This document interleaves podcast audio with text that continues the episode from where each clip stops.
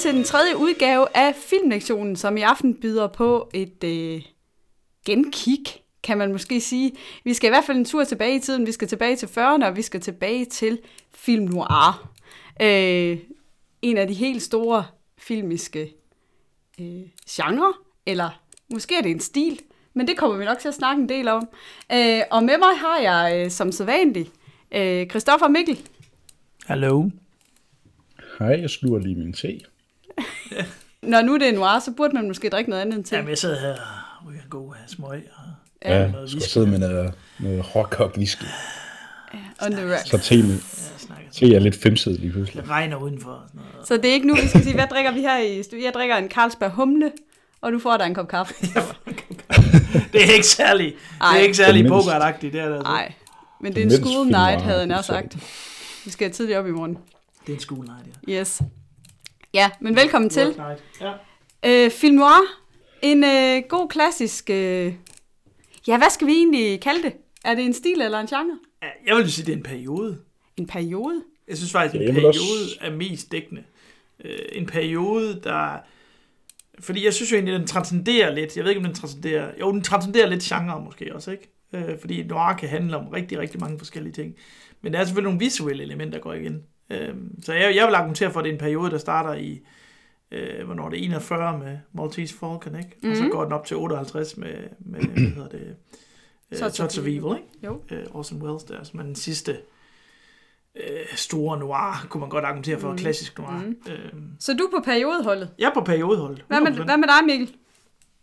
Jamen, jeg vil også, øh, jeg tror også, jeg hopper, jeg vil nok hellere kalde det en bølge.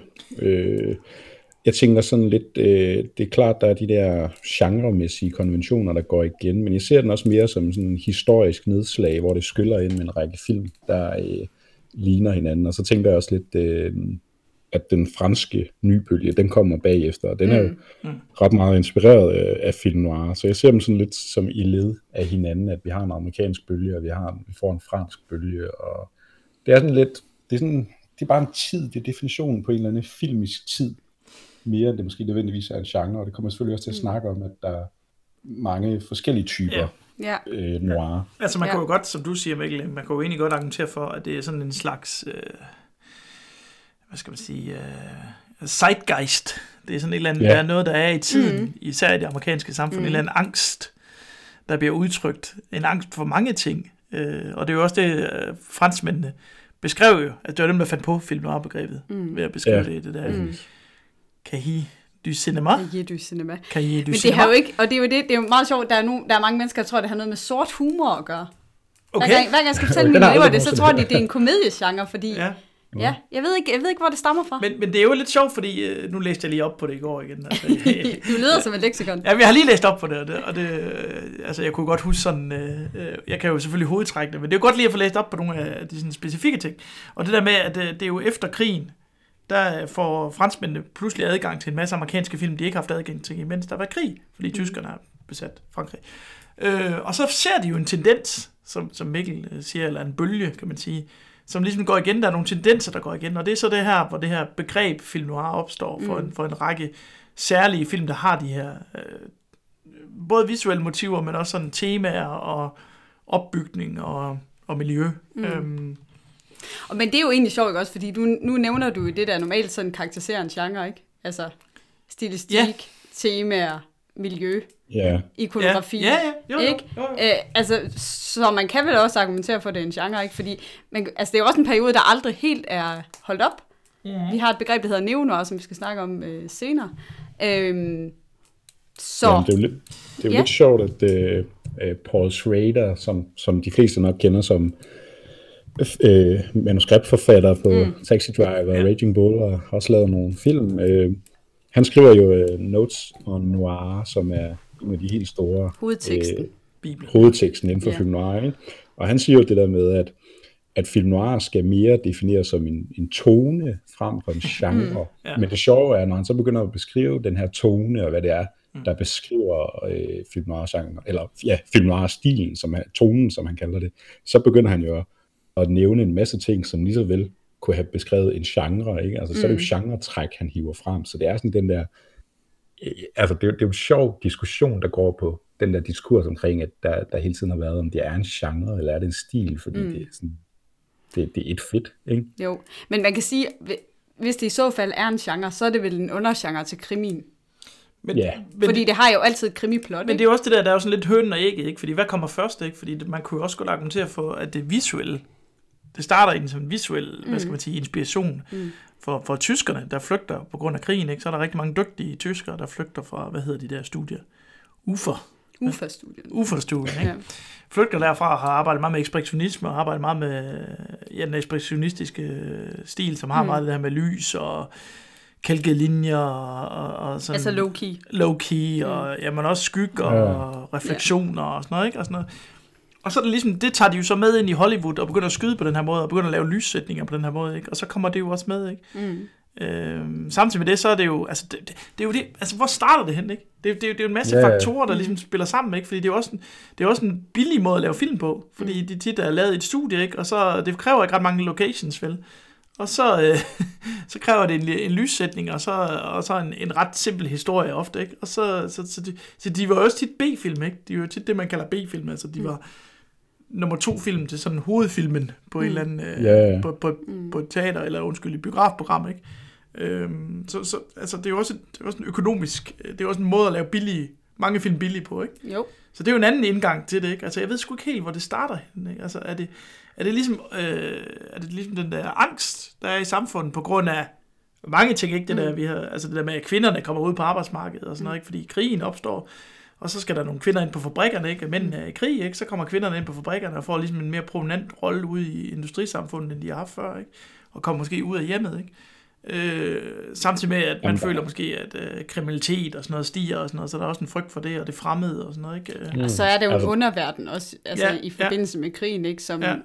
Korruption, og man kan ikke, hvem kan man stole på? Man kan ikke Øh, stole på autoriteterne længere, vel? Altså, øh, egentlig lidt, lidt nogle af de samme ting, der egentlig går lidt igen i 70'er-film, tænker jeg på. Ja. Nogle, Ja, nogle, nogle elementer i hvert fald, ikke? Øhm, Jo. Mikkel, hvis Men- du skal men- sætte nogle ord på Noir. Øh, jamen, det, uha, øh, hårdkogt og, og dyster, og øh, jamen, der var egentlig noget, jeg lige ville ja. snakke lidt om. Ja. Øh, man kan jo også se den lidt som en reaktion på, øh, vi har jo også alle de her musicals, og det har været meget øh, klassisk musical og Mm. western. Der, der bliver den jo ligesom også et øh, afbræk til, hvor vi begynder at få det her lidt mere hårdkogte univers. Man kan sige, øh, i 30'erne har vi de der mere lokale, nej, øh, klassiske gangsterfilm, ja. øh, Scarface og sådan noget, men Ja. ja. der, der øh, bliver de jo fremstillet som nogle helte. Og så her, der er det jo lige pludselig politimænd og sådan noget, der bliver mere skurkagtige og mere mm. korrumperet. Øh, så det bliver også sådan lidt, en, en, lidt også lidt ligesom øh, den amerikanske nye bølge i 70'erne. Det bliver også lidt svar på det her, det er lidt mere øh, helteagtige, heldemodige, så får vi noget mere dystert. Man har måske også lidt indtryk af, at målgruppen måske også er lidt mere unge mænd. Øh, egentlig. Ja. Øh, Ja. Fordi det er meget sådan den der hårdkogte verden, og, og de der lækre kvinder, der sådan forfører manden og lokker ham i unåde og sådan noget. Ikke? Men det er, jo, det er jo egentlig sjovt, du siger det, fordi det er jo en svag mand, der bliver portrætteret. Det er det jo egentlig, men det kan være, at de har kunne, det, det har givet en udtryk for nogle, en frygt, de måske mm. har haft, eller der, der har lig, ligget i, i tiden, og ligget mm. i, i, den, i, en, hvad skal man sige, øh, altså det, måske, måske i virkeligheden, der er et, i hvert fald i nogle film også, man kan se en tendens til, til en frygt for den der, øh, både at den her maskulinitet kan blive øh, altdominerende, ikke? så Mm. man helt mister Mm. den rationelle sans, men også at den, man måske mister den samtidig Mm. også, ikke? Øhm, men, men, men Mikkel har også ret, altså man kan jo sige, et andet sted, som den i hvert fald også starter film noir, det er jo i, i de der i de der crime fiction bøger, ikke? Øh, De der pulp fiction bøger mm. øh, af Raymond Chandler og så videre, ikke? Øh, James M. Cain. James N. Cain, ja selvfølgelig, øh, hvor, hvor det ligesom starter også, hvor der er de her øh, krimi-historier om underverdenen, mm. og nogle detektiver, der prøver at op, opklare noget i underverdenen, og forførende damer og sådan noget. Det er jo der, det er vel også der, det starter. Men altså, Ja. hvor det starter helt præcis, det tror jeg faktisk er svært at sige, hvad det lige er, der sådan lige er nulpunktet. Ikke? Det er flere tendenser, der ligesom flyder sammen, ligesom det sådan set også er med 70'er-filmen. Ikke? Det er jo ikke kun én ting, der gør, at Ja, ja. 70'er-filmen opstår. Mm. Mm. Og hvorfor lige Maltese Falcon, som man regner for at være den første? Ja, hvor, hvorfor er det lige den, der får den første? Ikke? Ja. Ja, det er jo egentlig sjovt. Der er jo også øh, altså Citizen Kane, som jo egentlig bruger mange af de sådan stilistiske træk. Og, Ja. ja. ja. og, men der er jo aldrig nogen, der snakker om Citizen Kane som en, en film noir. Altså, Nej. og det, er jo nok, det er jo nok, fordi den mangler sådan nogle af de der arketyper, den her femme fatale og, Ja. og detektivrollen, ikke? Men, men sådan rent stilistisk, så er den jo... Altså, Ja, den så- er, den er jo rigtig meget, øh, hvad hedder det, der er jo rigtig meget inspiration fra, fra ekspressionismen i den, i hvert fald Mm. også, ikke? Øh, Det er fuldstændig vanvittige ting, som han laver, Orson Welles i den, sådan noget med det der bevægelige kamera, og de der spejlinger og sådan noget, man ikke har, altså det, var jo, det er en Skæve sindssygt moderne film, hvis du ser den i dag. Dybdefokus. Dybdefokus, ikke? De Ja. der ting, han laver i baggrunden, det der billede, hvor, øh, hvor hun sidder op i restauranten og græder, og man har så det kamera, der går ned gennem et vindue, ikke? Altså det har Mm. man aldrig set før, nå, det var et tidspunkt, men altså, Det, det, er en, det, er en, ja, det er et tidsspor i dag. det er et tidspunkt, men, Ja. ja. men, men Mikkel har jo ret, at der er jo enormt mange elementer i den, øh, som, som er noir-agtige. Mm. Øh, man kunne også godt, som Mikkel også sagde, jeg synes, der er helt sikkert også nogle som Scarface og sådan noget, er der også, og Angel with Dirty Faces og sådan noget, Mm. mm. der slår man da også an allerede, de der noir øh, ting, men, men det er rigtigt, man, man plejer at sige, at den starter med Maltese Fal- Falcon. Mm. ja. Og så Men har er vi... også- Ja, undskyld Mikkel. Nej, men det, jeg synes bare, det, er, det siger også bare noget så interessant om filmhistorien, det der med, altså hvis vi kan lede 1940'erne, 50'ernes film noir, det kan vi jo nærmest lede helt tilbage til tysk ekspressionisme i 1920'erne, ikke? og så Mm. har vi den franske nybølge, der bliver en reaktion på det, og så får vi den amerikanske nybølge, der bliver en reaktion på det, og så får Mm. vi 80'er blockbusteren, det der, den der evige cyklus af elementer, der bliver taget op og så øh, udviklet på, og Ja. om det så er det narrative eller det stilistiske, men ja, det er bare... Og det er jo det samme med litteraturhistorien, ikke? Ja, det er Altså- jo en Ja, ja. fascinerende diskussion. Den der organisme, tanke er jo fascinerende, ikke? Det der Ja. ja. med, hvad, hvad, det der med, når man gør noget et sted, så påvirker det systemet et andet sted, og det der med, Ja. ja. at, at det, det bølger frem og tilbage og sådan noget, ikke? Ja, og man kan sige, at det, der gør, at den her første, så film noir, den klassiske film noir bølge, om man vil, den dør, det vil tv'ets komme. Ja, jeg tror også bare, folk var klar til noget nyt, ikke? Uh, Jo, og man kan så sige, at der bliver højkonjunktur, ja, øh, som vil også gøre, at man har ja, nogle lidt lettere historier. men alle historier har jo også, eller alle typer af historier har jo også sin tid, ikke? Altså, Mm. der, der er jo en tid, hvor de hvor det lige tiltaler folk, ikke? Og så kommer der måske noget mere optimisme igen, øh, Mm. Fordi øh, økonomien kommer tilbage på, på, på højkant, som du siger, ikke? Jo. Øhm, og så kan det være, at kvinderne, kvinderne de, kommer mere tilbage til en konservativ rolle igen, det ved jeg så ikke helt. De var trætte af at kigge på Humphrey Bogart, eller, eller. Ja, de har brugt noget nyt. Ja. sådan er det jo. Sådan er det jo. Men øh, dagens film er Double Indemnity. Ja. Klassisk, klassisk. Det bliver vel ikke mere klassisk. Den er fra Altså, du 44. Det er vel Maria, du kaldte den jo en prototypisk film noir. Ja. Det kan man jo egentlig kun give dig ret i. Ja.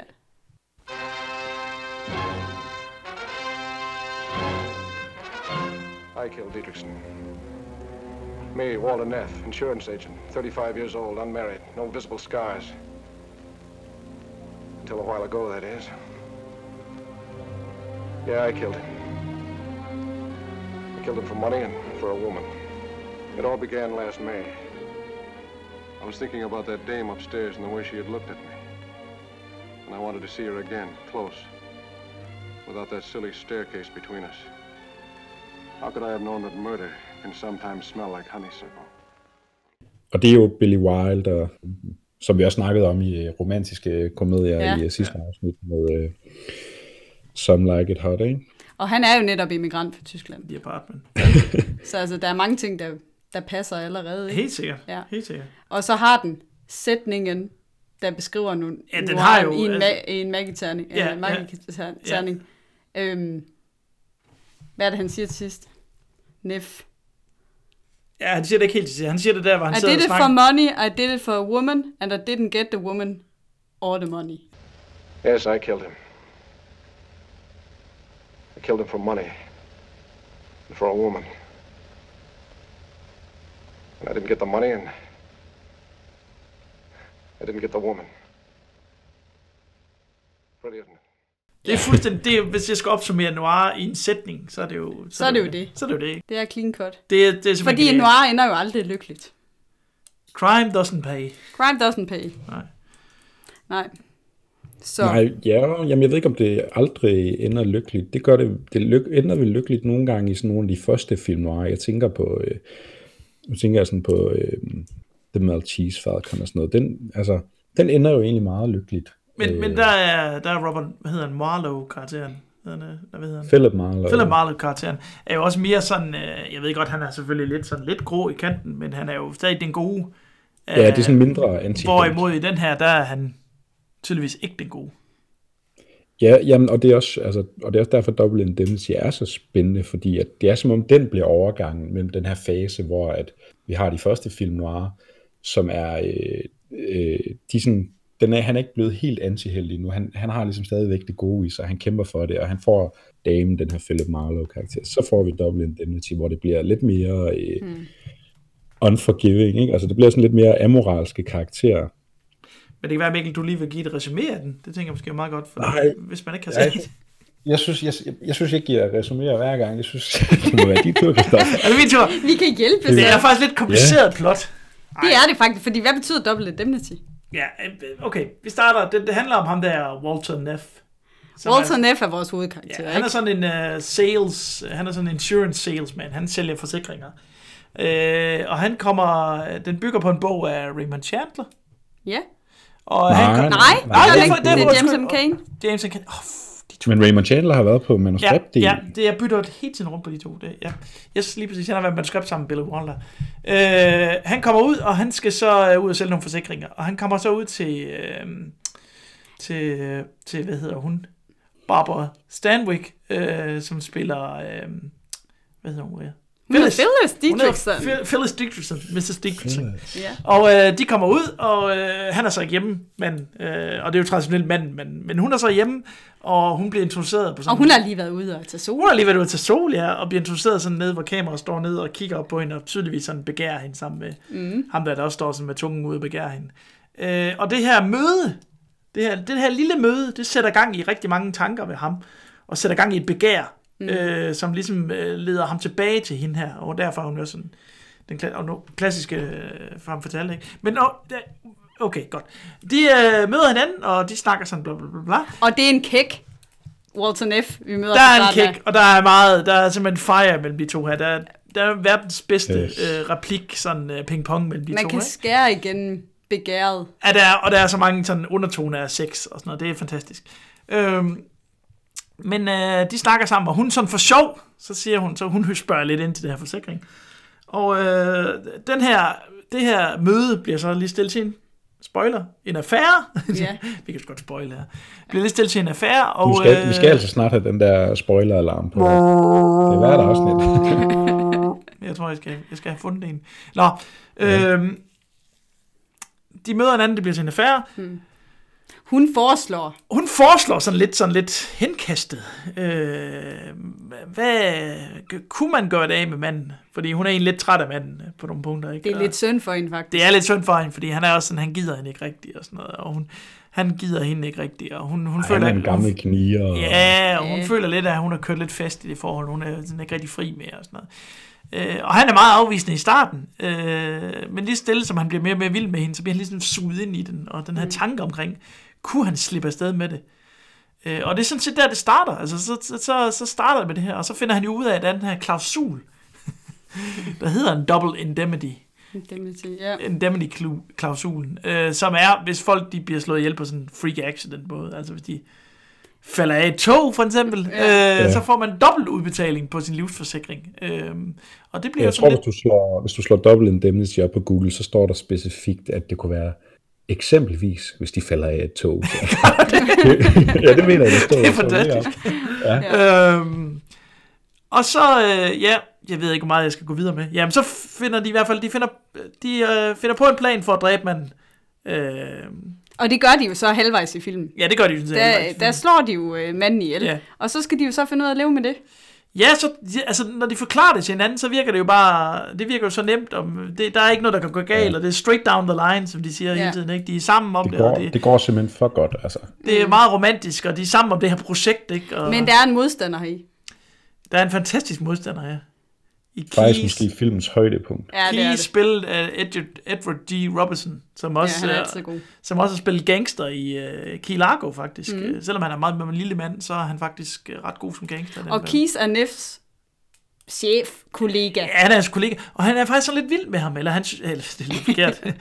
Men der er noget man love her, altså han er... Han er De kan godt lide hinanden. Ja, der er han, god pingpong. Han, han, har noget, han har en er- fascination af ham på en eller anden måde. Neff Han er er, vel sådan lidt hans øh, prodigy, ikke? ja, altså, han ser sådan lidt, en, han ser et lys lidt i Neff. Ja, lidt far søn. kørende. Ja. Ja, ja. Og det der med, at han er sådan den ældre og vise, og han er sådan den kække, unge, øh, sultne mm. salesman der, ikke? Øhm, ja, og så, øh, ja, så skal de jo så leve med det her, og det bliver jo så mere og mere kompliceret, fordi at der er selvfølgelig ikke, det er ikke bare lige sådan at slå ind ihjel. Altså, der er altid nogen, der har set nogen, noget, eller noget, der ikke Altså, lige... det æder jo Walter Neff op indenfra. Ja, han, bliver jo også, han, han regner jo også med, at han ikke har nogen samvittighed. Det finder han jo ud af, at hun har. Ja. Vi finder så ud af, at hun har ikke rigtig, rigtig nogen samvittighed egentlig. Øhm, øhm, ja. Jeg ved ikke, skal, man, synes, skal vi tage den, skal vi tage den, skal vi tage den hele vejen? Ja, Ej, altså, jeg synes, du... skal vi gør Der skal, skal være lidt op til lytteren. Ja, så er der lidt op til lytteren. Men det er sjovt også, selve castingen af Fred McMurray, som spiller, øh, som spiller hovedrollen Ja. ja. som Walter Neff. At, nu snakker vi om det der med, om, om det er en, han, han, er jo, han er jo den typiske antihelt i, ikke? Altså, der er jo ikke, der er jo ikke, altså, alle de ting, han foretager sig, er jo fuldstændig vanvittige. Og han, han bør jo også øh, ende med at dø, kan man sige. Det bør han jo. Men han er jo samtidig det rareste menneske. Du forelsker dig jo i ham som seer. Ja, Han er jo super charmerende, ikke også? Og de har faktisk svært ved at, øh, ved at finde, øh, finde den rigtige til han den er her jo hovedrolle. anti-type, ikke? Altså, han er castet anti. hvad Ja, han er modcastet. Modcastet, ja, eller Ikke? hvad det hedder, ja. Fordi de ville egentlig have haft sådan en rigtig skurk. Ja, Ja. men, Men- han, Jamen, der, Men det var godt, ja, de gjorde det. det. Han går, han går også igen i uh, Billy Wilders The Apartment, hvor Ja. han jo det er rigtigt, ja. Ja. Han er chefen i trekantsdramaet, og der er han jo også altså der er han jo egentlig også et røvhul, men han Ja. er bare så fanden charmerende. Altså man kan godt forstå, hvorfor, øh, hvorfor øh, ja i hvert fald de apartment, hvorfor hun bliver Det er forelsket i rigtigt, det ham, selvom han, Ja, han chefen, behandler hende det er skidt? Det er rigtigt. Øh, så det er altså et scoop af en skuespiller, de har fundet sig der til rollen. Det er altså virkelig, det er god casting. Og det er det også, altså Barbara Stan, Stanwyck er jo altid fantastisk. Og hun var kæmpestor på det her tidspunkt. hun er god, fordi hun er både sexet og øh, også sådan lidt skræmmende, ikke? Hun er egentlig ikke kun, hun er ikke, hun er ikke sexet sexet. Er hun det? Er hun, hun ikke er sådan, sådan hun mere- ser lidt er hun- mærkelig også. Ser lidt mærkelig ud. Hun er sådan... Jeg er også lidt Jeg bange synes, for hun hende. er- Altså, hun har også lidt sådan, hun har også noget magt, ikke? Altså, man kan godt mærke, at hun har noget magt over ham, ikke? Øh, men hun kan også spille skrøbelig nogle gange, Altså, hun spiller jo meget... Altså, en Jamen, klassisk... jeg synes, hun er, Femme hun er sådan sød og, og skrøbelig, men, men uterrenelig på den der femme fatale måde. Ja. ikke? Altså. Hun gør en god femme fatale. Og man... Ja, jeg ved ikke, om vi skal afsløre, men altså, man finder jo faktisk aldrig rigtig ud af, hvad hendes motiv helt præcis... Eller hvad hun helt præcis vil opnå. Mm. Det, det, det, det, står sådan lidt... Hun er jo god på den måde også. Hun er sådan lidt... Vil hun ikke bare have penge? Hun Eller er hvad? bare grisk. Ja, men også det der med ham til sidst og sådan noget, det bliver meget mere, mere kompliceret til sidst, og hvem snyder ind i hvem og sådan noget. Nå, ja, godt. Ja, okay. øh, Mikkel, vi, der, det skal ikke have nogen tvivl om, vi synes alle tre, det her er en rigtig god film, ikke? Jo. Øhm, Fantastisk god film. Det, det er en rigtig god film. Hvis du skal fremhæve én ting ved den her film, som gør den fantastisk, hvad er det så? Øh, jeg, jeg, åh, ja, det, måske, altså, jamen, den er så fejlfri på en eller anden måde. Det er sådan det der, hvor du har det her et eller andet sted kompliceret plot, men det kører bare, der er ikke noget sådan, der er ikke noget, hvor du sidder og tænker, ah, hvad, sådan, altså, jeg kan simpelthen ikke, den er bare sådan perfekt i sin udførsel. Det er et godt manuskript. Ja, det er bare, det ja, Raymond Chandler og Billy Wilder, ikke? Og Raymond Chandler, der har skrevet øh, hele, har skabt Philip Marlowe-karakteren, øh, som vi kender fra hvad? Øh, The Big Sleep, og Mm. Altså han er jo den der, han er jo den største inden for det her øh, pop, øh, film noir, de her hårdkogte detektivkarakterer. Han er jo sådan kendt for at skrive de her meget, især hvis man nu ser The Big Sleep, den har et virkelig kompliceret plot. Det er svært at følge med i. Ja, det må man Og det er det, Det må også, sige. i, øh, også det med cheesefader, synes jeg, altså det, det er svært at, at være helt hægtet på, hvad fanden det egentlig er, der foregår, hvem mm. der er hvem, og, Jeg er og glad hvem for, at jeg der- skulle uh, genfortælle The Big Sleep. Det tror jeg ikke, jeg Ja, kunne. ja hvem, hvem og det er så lige meget, hvilken udgave hvem? jeg så af den, fordi den er godt nok, der er godt nok nogle huller i den, sådan helt vanvittigt. Nå, det er et sidespor. Ja, og, og, men, og der synes jeg bare, at altså, Double Indemnity, den er bare sådan perfekt på den måde i hele det der, øh, måden at Neff han ligesom har udtænkt hele den der plan, og han kender bare hele den der forsikringsverden indenfor, og det er bare så perfekt, og, og det går så godt, og det eneste, der så egentlig ender med at, at straffe ham, det er hans egen samvittighed, Ja, selvom han er den her ja. total, Mm. Ja. han er den her total cool, karismatiske, kalkulerede fyr, ikke? Altså, det synes jeg, det er sådan den der lille brist i det perfekte, han Ja. ja. ender med til at være. Det, det kan bare et eller andet, altså. Man kan jo allerede se, det vil gå galt af efter de har begået mordet, der hvor de er i bilen. Altså, det sveder han, som om han har siddet i sauna, ikke? Og hun er bare Ja. helt cool, ikke? Ja, ja, hun elsker ja, det jo. Præcis. Hun elsker det. Hun kører på den der thrill, ikke? Det er og han, han Ja. sveder virkelig bare sådan, Ja. så kan de ikke starte bilen og sådan noget. Ja, hvis jeg kan sige en konkret ting, der er, nu, nu spurgte du sådan helt konkret, Maria, Ja. øh, så, så synes jeg generelt, den der voice-over, altså Ja. hvis der er noget, man kan blive træt af i en film, så er det altså en dårlig voice-over, eller sådan en voice-over kan jo, den er jo med til at forklare, ikke? Og, og hvis der er noget, man som regel ikke er glad for som seer, så er det, at jeg skal, skal stoppe fodres med information, Ja. og hvorfor gjorde jeg det der ikke? Men, men det er jo ligesom et trade i film noir, Ja. Øh, og der synes jeg bare, at Double Indemnity, han har bare den der fede, han sidder der, det er jo sådan set et langt flashbacks fra, fra øh, han er blevet skudt øh, og kommer ind på kontoret i starten. Mm. Og så begynder han jo bare at, egentlig at tilstå alt, hvad der er sket til chefen der.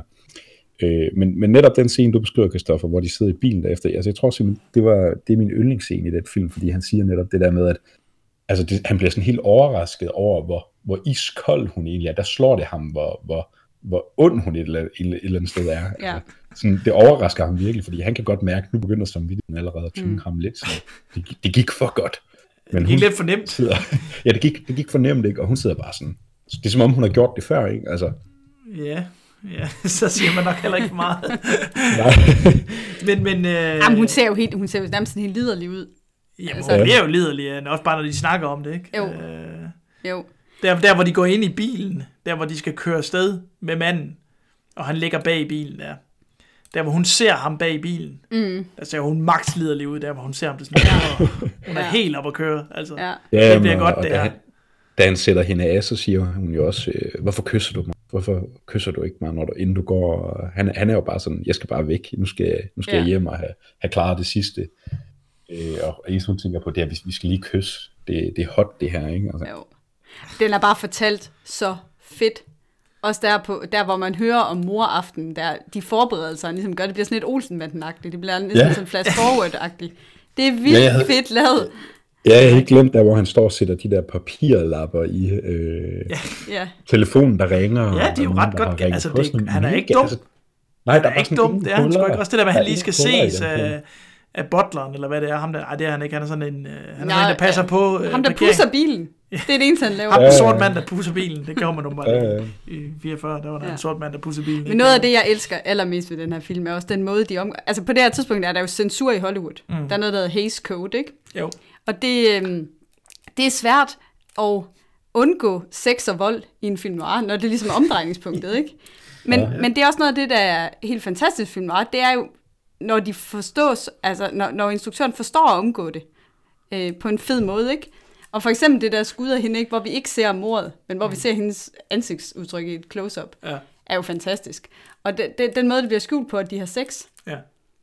hvor, hvor der bliver klippet til, at øh, han ligger ned i sofaen og ryger, og hun tager nye Ja, der, læbestift på, der, de sidder Ja. tæt sammen og snakker, og så kommer der et fade to black, og så sidder de i hver sin side af sofaen, og han sidder bare og ryger, og hun er ved at tage make op på. Ja, det er fandme godt gået. Det er meget, meget tydeligt, de har ja. Ja. ja, ja. det er fedt. Det er rigtig fedt. Men, Han er bare så, i- så dygtig til at iscenesætte. Det, du Jamen, det er jo rigtigt nok det der, Mikkel også sagde, det der med, at der er den der voice-over, og vi starter med slutningen og sådan noget. Det er jo fuldstændig ligesom Sunset Boulevard. Og Mm. Ja, ja. fuldstændig noget, som vi har set i rigtig mange noir-film sidenhen også. Og understreger jo determinismen, ikke? At jo, vi- jo, at vi hører straight down the først, line, ikke? ikke? Altså Jo. den der fatalisme, som også er Ja. et kæmpe tema i noir, det der med, at vi er bare alle sammen brikker i et eller andet stort spil, og der er nogle mm. udefra kommende kræfter, som vi ikke rigtig kan gøre noget ved. Altså nu har jeg ikke læst bogen, men der er meget af det, også voiceoveren, som du fremhæver, Mikkel, som næsten bliver sådan øh, litterær. I får sådan en litterær kvalitet. Ja, Ja, ja, ja. Der er Jamen, rigtig det meget... virkelig- Øh, han taler jo i metaforer, Watson F. konstant. Ja, Hele vejen igennem. Han snakker også om det der, der Keys opdager ham, ikke? Eller han snakker med Keys, og sådan, give me one of your two dollar words, eller hvad er det, han siger. Ja, der er, Og så siger han, you're all washed up. ja, der er mange gode. Virkelig. Hvad med dig, Kristoffer? Hvad er det allerbedste? Det ved jeg sgu ikke. Er Lola-karakteren. Nej, jeg kan godt lide Lola-karakteren også. Fordi hun er også, Nå, hun er også, hun, hun, søster. Nej, hvem, hvem er hun? Det vi Hun er datter hun er til- datter. datter, manden, hun er jo hendes steddatter, ikke? Jo. Øh, Phyllis' steddatter. Jamen, jeg kan rigtig godt lide scenen, hvor de møder hinanden. Fordi det er allerede der, der kan du se den måde, hun sådan vrider hænderne på, hvor meget hun spiller rollen. Mm. Og hun spørger sådan ind, hun siger sådan, øh, hvad for nogle insurances har du? Har du også accident insurance? Sure, accident insurance. Og han er fuldstændig, han er jo fuldstændig, han er jo bare, han er jo magtesløs, ikke? Han ved overhovedet ikke, hvad han ved ind i, og man kan bare se den æderkop Så, så, så er han endelig kommet ind i, i hendes spind der, så, mm, og man kan se, hun allerede begynder at planlægge det. Man kan se, hun tænker. Hun, allerede, hun begynder allerede at tænke der fra det første øjeblik. Ikke? Der med den- ankelkæden. Den der ankle bracelet, ikke? der starter det at begære bare. Ikke? ja. Det, det der ankle bracelet, den brænder så bare fast i hans, øh, Ja. i hans, øh, i hans øh, hukommelse. Ikke? Ja, Og det er ligesom om, vi får også vide senere, det er næsten som hun har planlagt det. Ikke? At Han er lidt sådan en eller anden Paul Sap. Hun bare har Og taget hun ind. siger jo også, øh, jeg, jeg elskede dig aldrig. Og, Nej. Altså, han er bare en brik i hendes Han er spil, bare en brik i det store spil, ikke? Og, og det, der, men man kan se, hun er allerede bare sådan en schemer. Hun schemer allerede, og så den der samtale, de har, ikke? Den der, there's a speed limit in this state. How fast was I going? I'll say about 90 miles, eller hvad hun siger. How about I get off that uh, motorcycle and give you a ticket? How about I slap you on the wrist? Eller siger, det kører bare sådan, ding, ding, ding, ding. Det er virkelig, altså det er jo sådan helt, det er jo sådan helt screwball-agtigt. Det der, dum, dum, dum, dum, dum, dum, dum. Ja, hvad er det, han kalder hende hele tiden? Er det hvad, baby. Hvad, hvad? Look, baby, you can't get away with it. You bet I'll get out of here, baby. I'm crazy about you, baby. But there's an insurance company in the picture, baby. And I don't want you to hang, baby. Det er også sådan rimelig frisk at kalde hende baby, ikke? Fordi han er jo bare ude Jamen, og og- det, og det er netop det, fordi han, en kunde, det, det er ikke? ham, ja, ja, det er jo ham, der er ovenpå, ikke? Altså, han er jo manden, han er the man, altså, ja, baby, og så er det hende, der ligesom trækker tæppet væk under ham. Og, Jamen, han er slet ikke klar over, hvor meget han bliver manipuleret. Det synes jeg jo er så smukt, at det er allerede der, allerede der, hvor de møder hinanden første gang, der ved du, der ved du, at filmen kommer til at ende med, ikke? Fordi at Ja, hun har ham. Hun har Ja. ham der, ikke? Han er, han er hoppet ind i fælden, og han sidder fast i spindelvævet, og han er ikke engang klar over det. Nej, Øh, og hun begynder allerede at skime, ikke? Og så synes jeg, at filmens slutscene, det, jeg ved ikke, om vi skal spoil den, det er vi jo nok nødt til, fordi det, det var faktisk ikke sådan, de havde tænkt sig, at den skulle, øh, den skulle slutte. Der var jo egentlig en alternativ slutning, Ja, som ikke blev til noget. ja, Er det en af jer, der kender den historie? ja. altså, Ja. vi er enige om, den slutter i, i, i øh, da han sidder på kontoret, ikke? Jo. Altså, Nej, han sidder i han, døren. han, han kravler ud til Åh, oh, ja, han går der. ud, ja, det er rigtigt. Og så yes. får vi jo den der fantastiske scene, hvor der har hele filmen igennem, der har det jo været sådan, at Keys har hele tiden ledet efter sin, øh, en, en tændstik til sin smøg. Ja. Og der har han altid produceret den der tændstik, fordi han har altid lige en, han er altid lidt Ja, smartere. Walter, han, Han er lige smartere, han har lige altid og det er sådan en tændstik, man kan tænde med sin... Øh, Det sagde man sådan en flip, flick tændstik, ikke? ja, Øh, og han siger tidligere i filmen, at han vil ikke have dem i lommen, fordi de eksploderer altid i hans pocket. ja. Så det er, et- det er et setup, ikke? Og Det er et så kommer der et payoff til sidst. Og så til sidst, så sidder han op ad døren der, og så tænder han så tændstikken for ham. Og så siger han, at uh, Keys, det du ikke opdagede, det var, at uh, du kunne ikke se, hvad der egentlig var sket, fordi at han var så tæt, han sad lige, for, Åh, han ja, sad lige ja. the desk right across from you. Og så siger Keys så, det der, det var sådan virkelig, åh, det gør sådan ondt. Så siger han sådan, at uh, even closer than that. Så han er sådan, det er tættere på hans hjerte, ikke? Altså, han, Ja, er virkelig, det er jo- det er han har hans- virkelig følt noget for Neff, ikke? Han er virkelig, han er virkelig, han er virkelig ked af Jamen, det er jo det der far-søn-forhold, som man Ja, ja, siger. det, altså. det, det, det er så smukt, ikke? Og der er så meget man, Ja. man love der, ikke? Altså, det, mm. Men Billy virkelig Wilder havde bromance. egentlig ønsket noget andet. Ja, Ja. Han er jo egentlig... Han havde jo egentlig ønsket, at øh, Walter Neff, han skulle i øh, San Quentin øh, fængslet. I gas... Okay. Øh, i Og, ga- og han, gasses, ikke? han skulle gasses, ikke? Og der, den er filmet. Den er så gået tabt, desværre, kan jeg se. Billy Øh, Wilder, han sagde, det var noget af det bedste, han nogensinde havde skudt. Ja, okay. men han var jo twitchet. se, Han var jo, han var jo lidt, øh, hvad hedder det, han var sådan lidt dobbelt på det, ikke? Han dobbelt. Ja. Fordi at øh, på den ene side, så troede han, at det var det, han blev nødt til at gøre på grund af, af censuren. Altså man blev nødt til at vise det med, når man viser folk, hvordan man begår et mor, sådan set. Det er jo egentlig lidt, det er jo egentlig en manual, hvordan man begår et mor, eller hvordan man kan begå et mor, ikke? Og det var jo ikke så godt på det her tidspunkt i forhold til censuren og sådan noget. Så tænkte jeg, "Nå, men den eneste måde, jeg kan slippe omkring, eller de vil godkende dem på, uh, censur og Hays Code, det er ved, at jeg sætter en slutning på, hvor, hvor man får, hvad man, altså man, Han får som fortjent. han får som fortjent, ikke? Ja. Ja. Han, han uh, crime doesn't pay, ikke? Han mm. får simpelthen, uh, han bliver gasset. Men så var, der, så var der et testpublikum, der så den. Ja, de kunne ikke lide den. De kunne ikke lide, at Walter Neff, han skulle dø på den måde foran os. Så det er jo nok igen noget med det der med, at han er så utrolig Der er en generende. kæmpe stor likability, ikke? Ja. Øh, Ja, ja. det var Phyllis, ikke. Men Ja. det der med at Men man gasse kan ikke slå kvinde- kvinder ihjel. Man kan ikke gasse gasse kvinder til Gasse sidst. en kvinde, det er måske også lidt Nej, det kan man ikke. Men jeg synes egentlig, det er meget godt, den slutter, hvor den gør, fordi det er sådan en meget fin sløjfe, fra, hvor den starter med, at han ligesom går ind, og så øh, slutter den med, at han, han lige nøjagtigt når ud af døren, og så Altså for mig så er det jo en perfekt slutning. En perfekt slut. Ja. Ja. Altså, det, den er bedre end... Altså, nu har jeg jo ikke, der er jo ingen, der har set den slutning. Den er jo desværre gået tabt, ikke? Mm. Man har let efter den i mange år. Man kan se nogle stills fra den. Man kan se nogle stillbilleder, men, men ja. man har ikke kunne finde den i, i, i, i komplet format.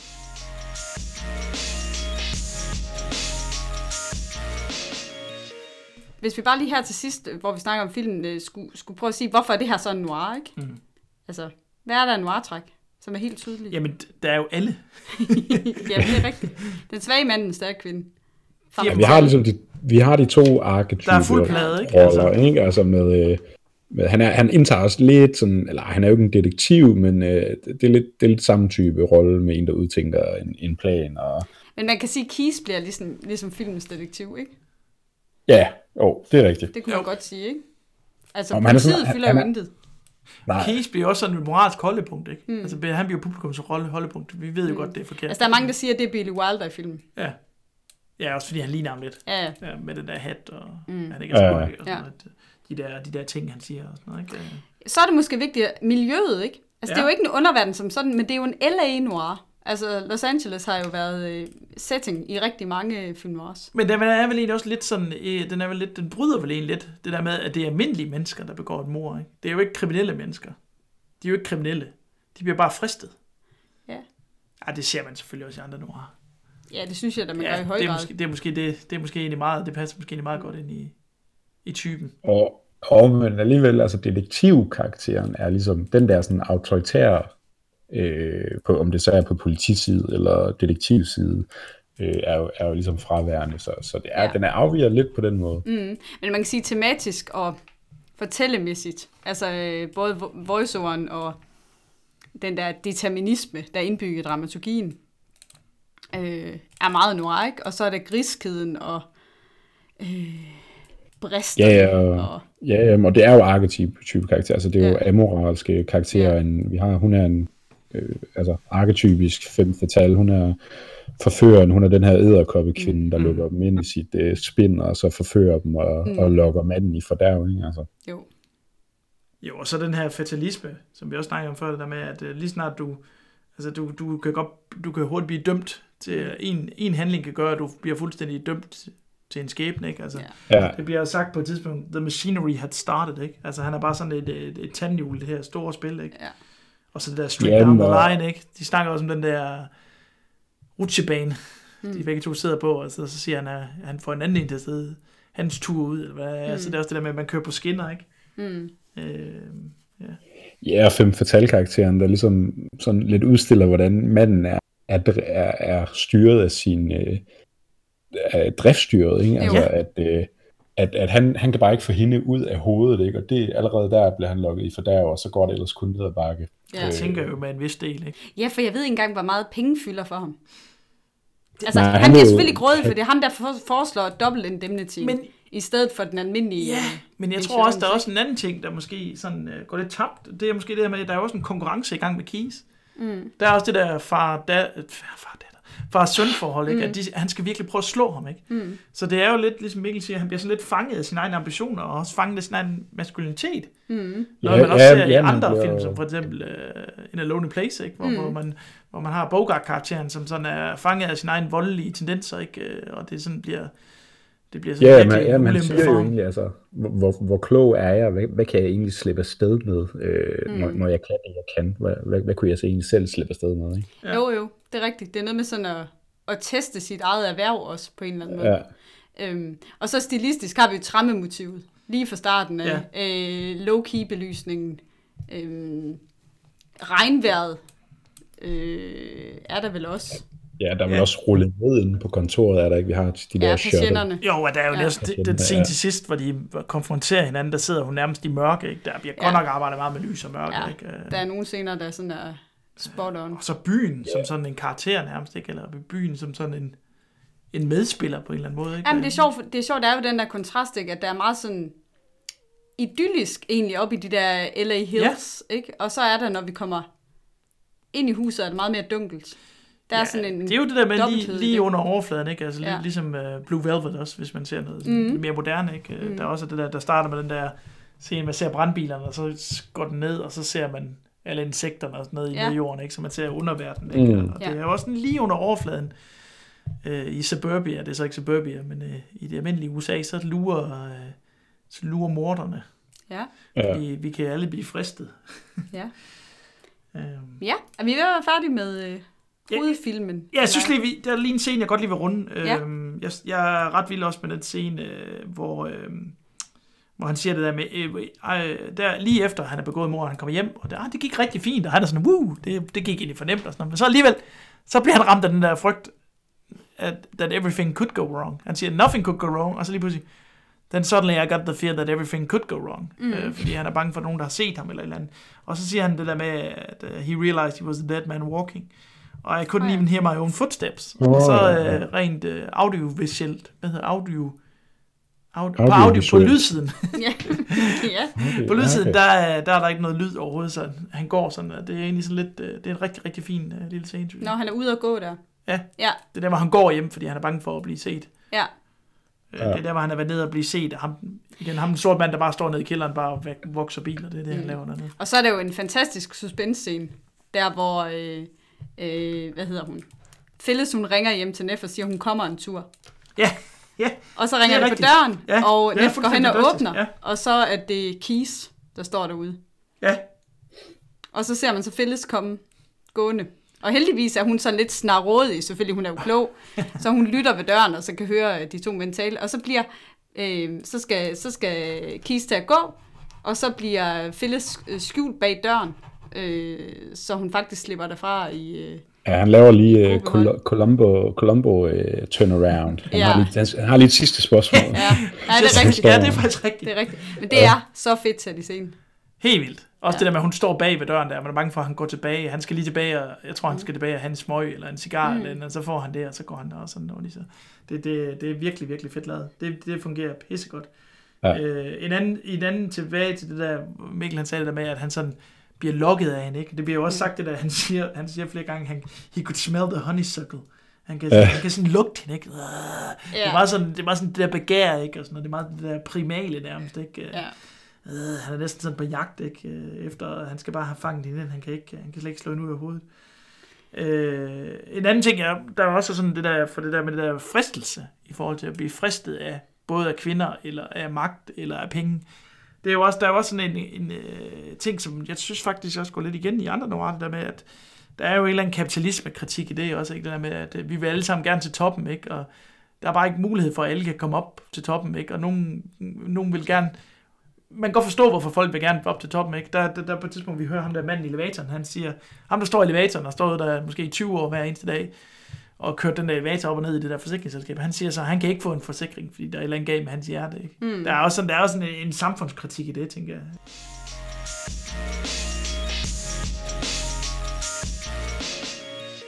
Jeg går ud fra, at den her film, den er på alles top 5. Ja, Ja. det er rigtigt. Men det er lige med, hvor den ligger på top 5, så det kan være, det er, det er forskelligt. Må jeg lige sige en sidste ting? Ja, det må du. Noget, vi snakker om går, Maria. Det er, at det, der er fantastisk ved den her film, det er, at der er jo egentlig ikke ret mange karakterer i, egentlig. Nej. Men hver eneste karakter har en rolle. Hver eneste karakter spiller en rolle.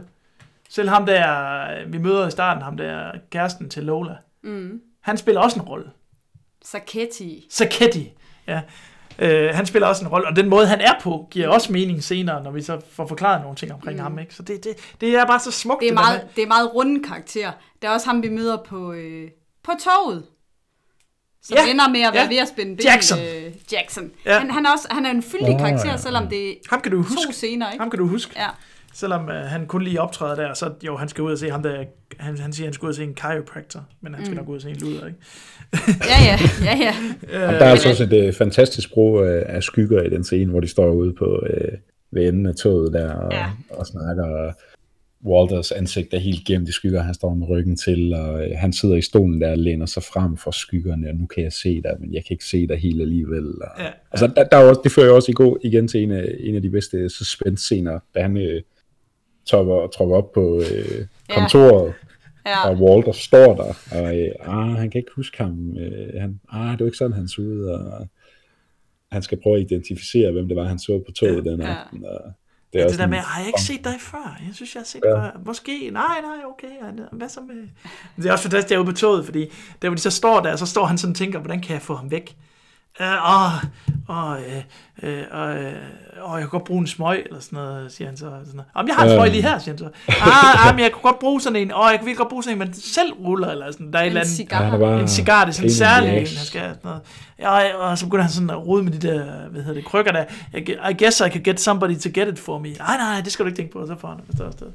Og de er rimelig travlt, fordi Phyllis holder jo og venter. Det er jo et særligt sted. Ja, ja. Toget skal jo ikke nå altså det skal jo det er nået til lige præcis Ja. det sted. Timing er ret vigtig. Timing er ret vigtigt. Ja, ja. det er det. Men hold kæft for kører amerikanske tog langsomt i 44. De kører lige så Er det hurtigt, sådan- øh, som DSB gør i Danmark. I Ja, Danmark. altså man kan jo ikke dø af at hoppe af det tog der. Ej, det ikke kunne du en, nok øh, godt dansk tog, tror jeg alligevel. Ja. Ja. ja. Nå, er vi klar til at gå videre? Det kommer an på, om Christoffer har mere. Jamen det er lige det. runde. Det ved man jo aldrig. Ja, Ja, ja, ja. ja vi kan jo altid vende tilbage, tænker jeg. Ja. Hvis det er. Ja. Okay, top 5. Ja. Trommevivl. Det, jeg må lige sige om den her, øh, den her top 5, at vi holder den til den klassiske periode. Ja, Og vi- det har faktisk været lidt en udfordring, ikke? Ja. Fordi det er jo film fra 41 til 58. 58, ikke? Ja. Så, øh, så det er sort-hvid. Det er den klassiske noir-periode. Old fashion. Ja, og det, Ja. det var en udfordring, men egentlig også lidt fedt, fordi man kan jo hurtigt også inddrage neo-noir og tech-noir og sådan noget, som vi kommer til at snakke om senere også. Ja. Øh, men, men hvis- hvis vi bliver ved de klassiske noir. Skal vi starte med en femteplads? Og nogle af filmene kommer vi til at køre lidt lettere henover, ikke? Og så kan vi dykke Ja, ned i, ja. i, i nogle af dem. Øhm, en femteplads, Christoffer?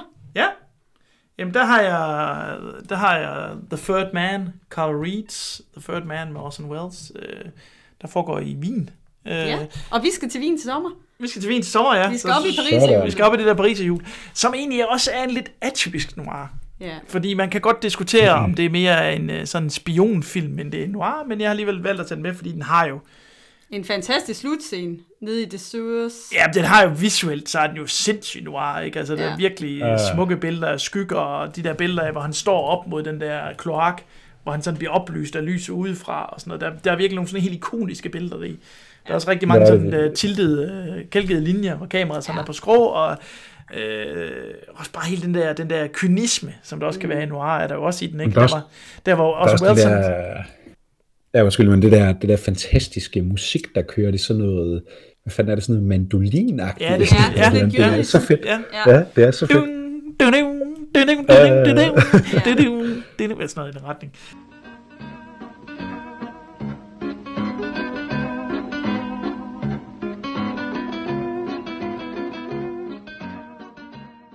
Øhm, og den der fantastiske scene, hvor de er oppe i det der Pariser jul, hvor Orson Welles sådan ligesom forklarer, hvordan han ser Mm. på, på verden, og hvordan han ser på sine egne handlinger, hvor, hvor han sådan er sådan, han er sådan nærmest sådan et, øh, hvad skal man sige, han er nærmest sådan et, et overmenneske. Han laver sådan sin egen, øh, han laver sine egne regler for moral og Mm. etik, ikke? Altså det, øh, look at those people there, down there, they're the little people, ikke? Bare, du skal bare forestille dig dem ligesom myrer, Mm.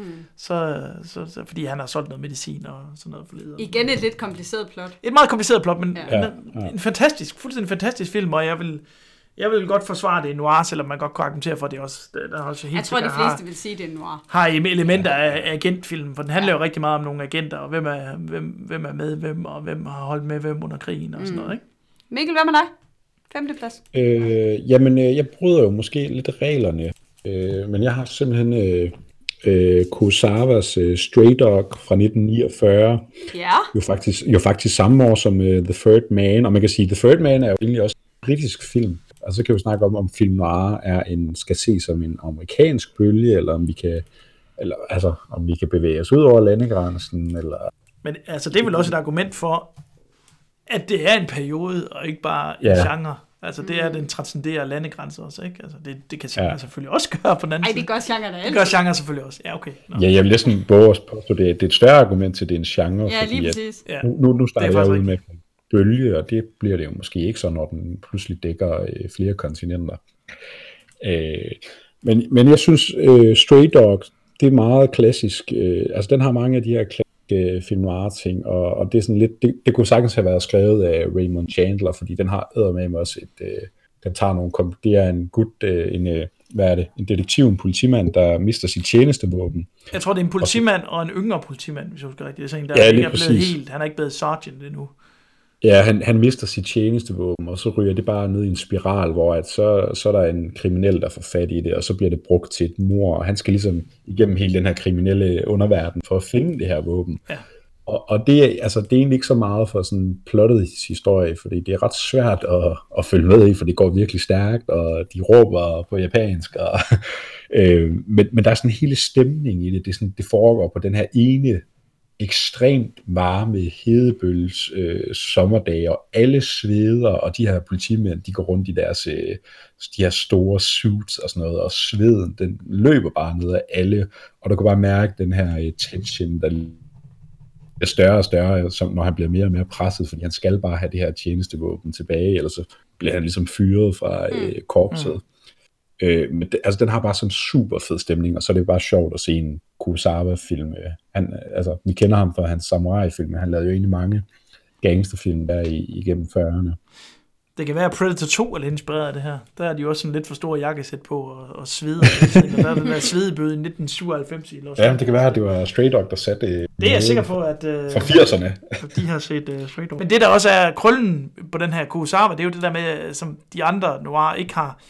Det er jo det her med det japanske samfund. Så det der med at miste dit våben, det indebærer enormt meget skam og man skal ja. skamme sig over det, ikke? Altså, og det, det den der, han er, han er jo, hans ære er jo knægtet, indtil han får sit våben igen, ikke? Og så er det ikke engang sådan helt nok.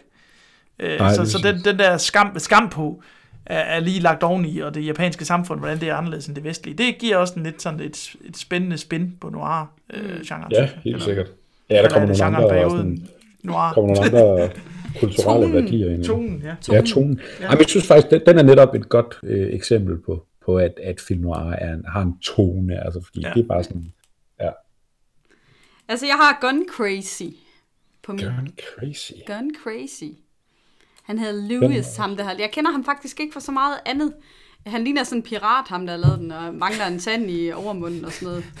Jeg kunne se at se den syge med ham en gang. Men det, den, er, den er ret fin også. Øhm, det, det er lidt en forløber til Bonnie and Clyde, tror jeg. Den har i hvert fald nærmest samme, øh, samme plot. Øh, og det er en kvinde, der lokker en mand i fordærv. Hun er, sådan, øh, hun er god med skydevåben, må man sige. Ja, hun er altså, gun crazy. Hun er gun crazy. Og hun er også crazy på mere... Altså hele øh, den der introduktion af På mange måder. Han møder hende i et cirkus, fordi ja. hun er sådan en... Uh, performer. Hun er sådan, sådan en skarpskytte. skarpskytte. Ja, hun kan skyde ballonger i stykker på alle ja. mulige måder. Og, sådan noget. og så begynder de at Rob Banks. Ja.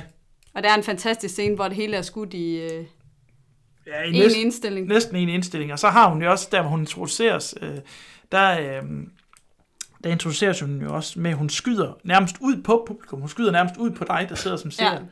Øh, næsten ligesom The Great Train Robbery. Ja. Øh, hun skyder sådan ud på dig. Det er nok heller ikke tilfældigt. Det er nok heller ikke helt tilfældigt, nej. Men, men Peggy, Com- Peggy Cummins, som hende der Annie uh, Laurie Starr, er også en, en fantastisk uh, femme fatale. I, ja, i den og han er en fantastisk svag mand.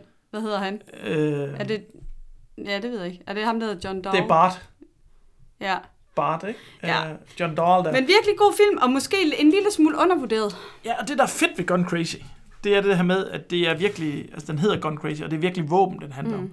Den handler om den her obsession med våben, ikke? Altså mm. man starter også med, at man ser ham som barn, og hvordan han er, inspireret, han er, han er sådan uh, fascineret af våben, ikke? Mm. Han får en BB-gun på det tidspunkt, så kommer han til at slå en kylling ihjel med den her BB-gun. Han finder ud af, hvor stor magt det egentlig har våben. Mm. Han bliver sådan han er fascineret, men samtidig også skræmt af, at han kan slå noget ihjel. Altså noget er der, og så er det, så er det der ikke længere og sådan mm. noget. Og der er sådan en retssag og sådan noget. Øh, fordi han har stjålet et våben. Så de er begge to sådan helt, helt vilde med våben. Øh, og den her magt, der er i våben. Og så samtidig det her med, at det giver også en mulighed for at, og, og kan bryde ud og måske øh, ja, blive kriminel og tjene nogle penge og, og blive til noget. Hun vil rigtig, hun snakker hele tiden om, hun gerne vil blive til noget.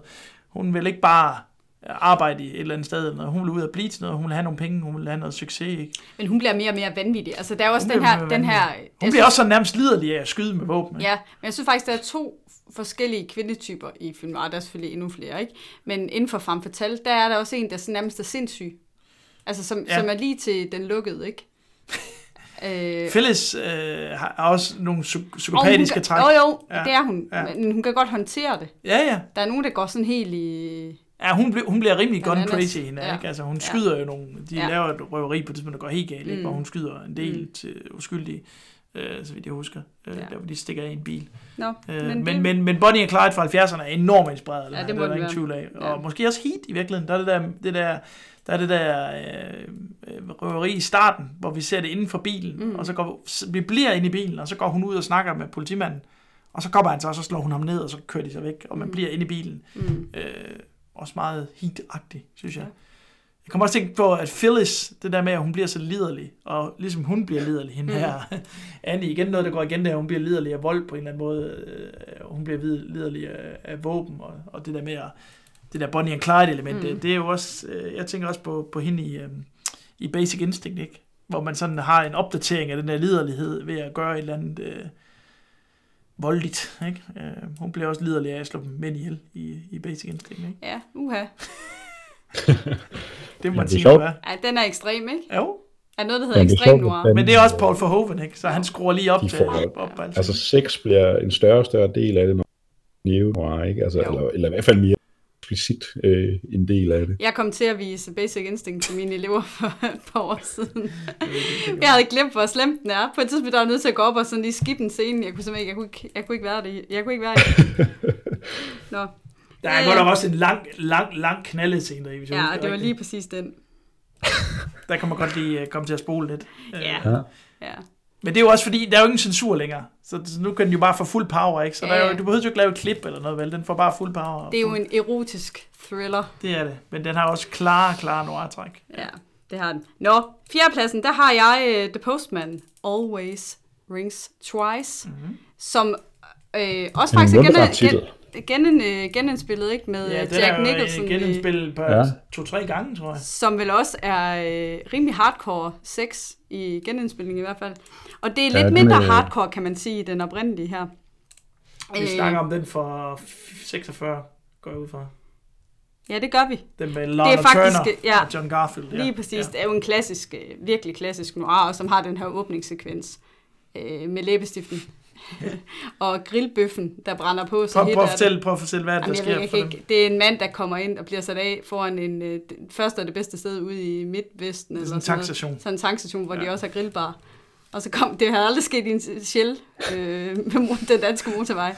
Men alt kan ske i øh, 46 USA. Så kommer han ind på den her grillbar, og så øh, bestiller han en burger, tror ja. jeg. Og så på et tidspunkt, så bliver han forstyrret af en øh, kvinde i et hvidt suit, der kommer hen og står Lana i, Turner. ja, der kommer hen og står i døren.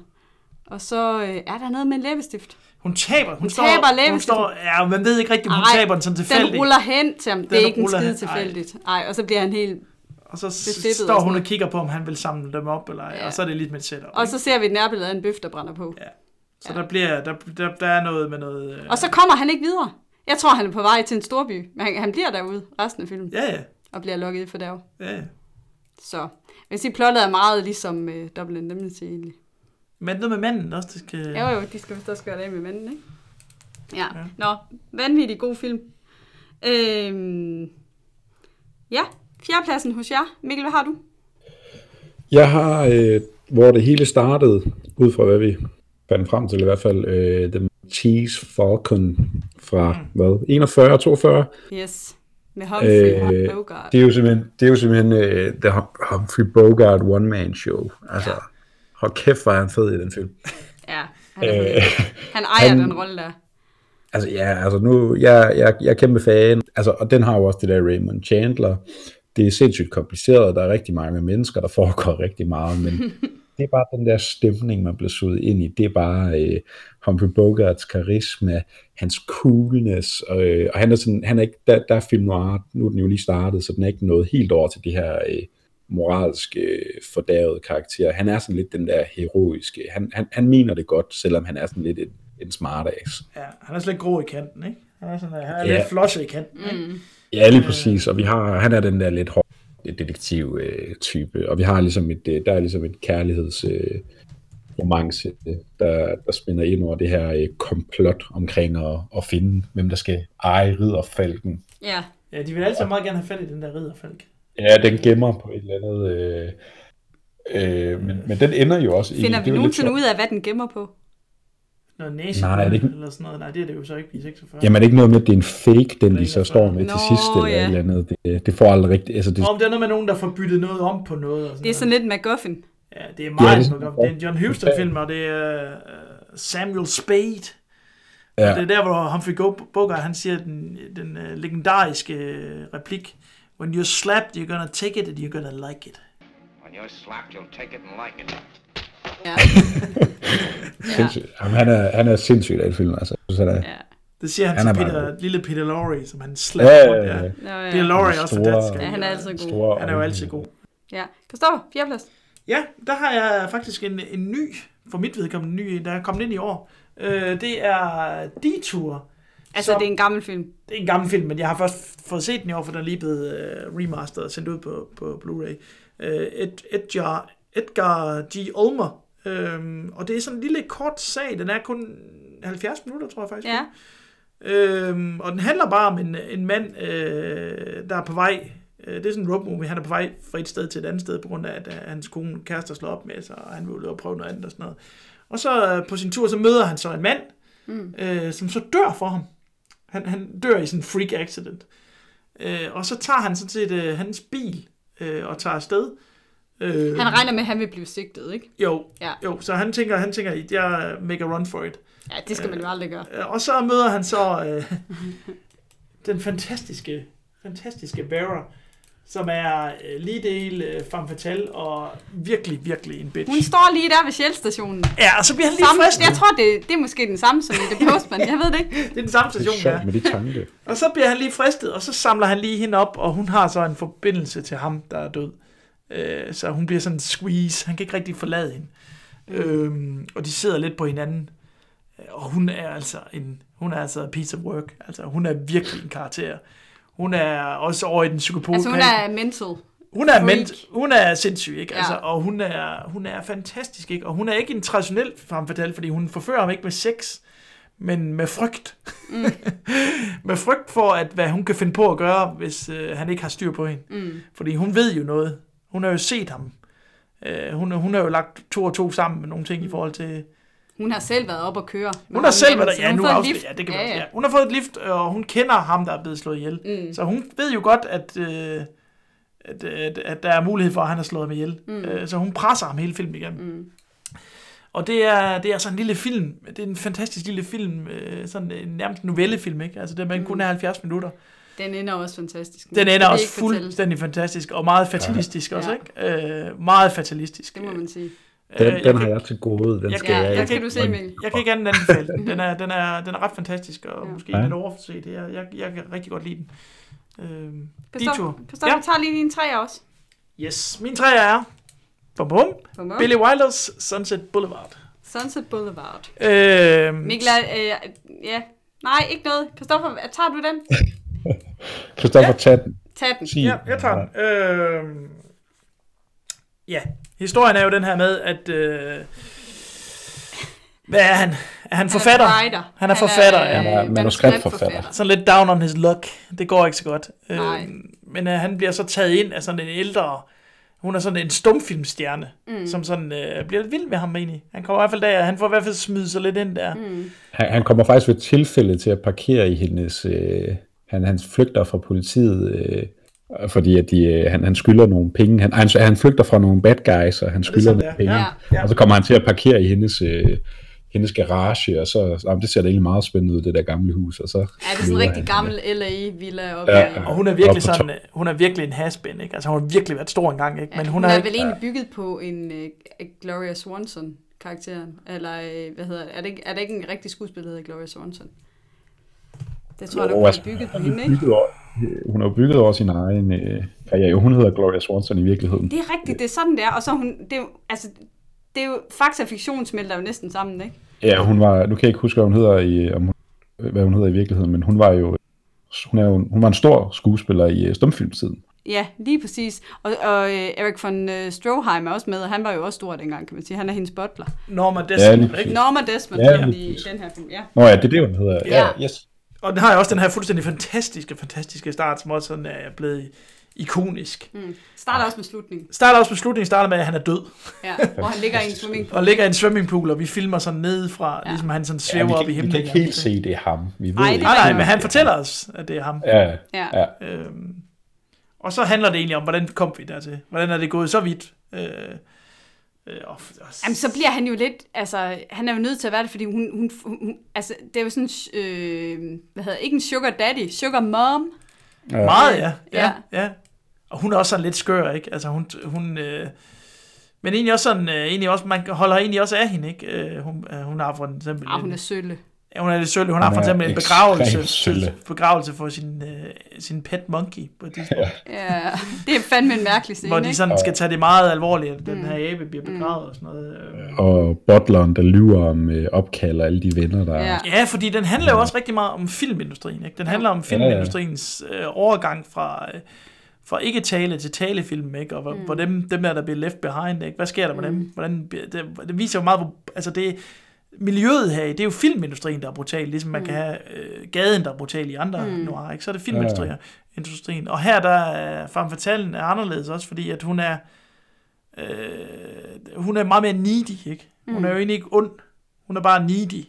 Mm. Og, og meget sådan, øh, vil gerne tilbage til hendes storhedstid, ikke? Det er det, der driver Ja, hun er, hun er ældre, og hun er jo ikke sådan sexet eller Nej. sød, og sådan, Nej. men hun alligevel, har, har alligevel en eller anden karisma, og han bliver Ja. ja. draget af. øh, Og det er også meget tydeligt, at han bliver draget af hende på grund af hendes penge, og at hun kan give Ja. ham noget sikkerhed, ikke? Mm. Ja. Øh, Så det er jo sådan et, et, det er jo sådan et, øh, hvad skal man sige, det er, sådan et, det er sådan et forhold, hvor det er bare rart at være, fordi det giver Mm. noget sikkerhed, noget stabilitet, ikke? men ikke måske fordi der er så meget passion og sex. Men fik vi og... sagt, det er en Billy Wilder-film? Det er en Billy Wilder-film, ja. Ja. Det, så det er hans. Yes. anden store noir sammen med, hvad hedder den, uh, Ace in the Hole, uh, som også er en fantastisk noir.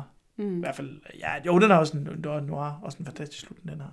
Så Er det Billy Wilder, der lavede Det er også Billy Wilder, ja. Det er rigtigt.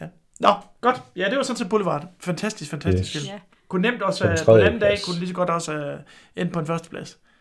Jamen, det kommer vi til. Men det er sådan lidt, hvad humør man er i. Den er også fantastisk. Yes. Det er rigtigt. Mikkel, hvad, hvad har du på en tredje plads?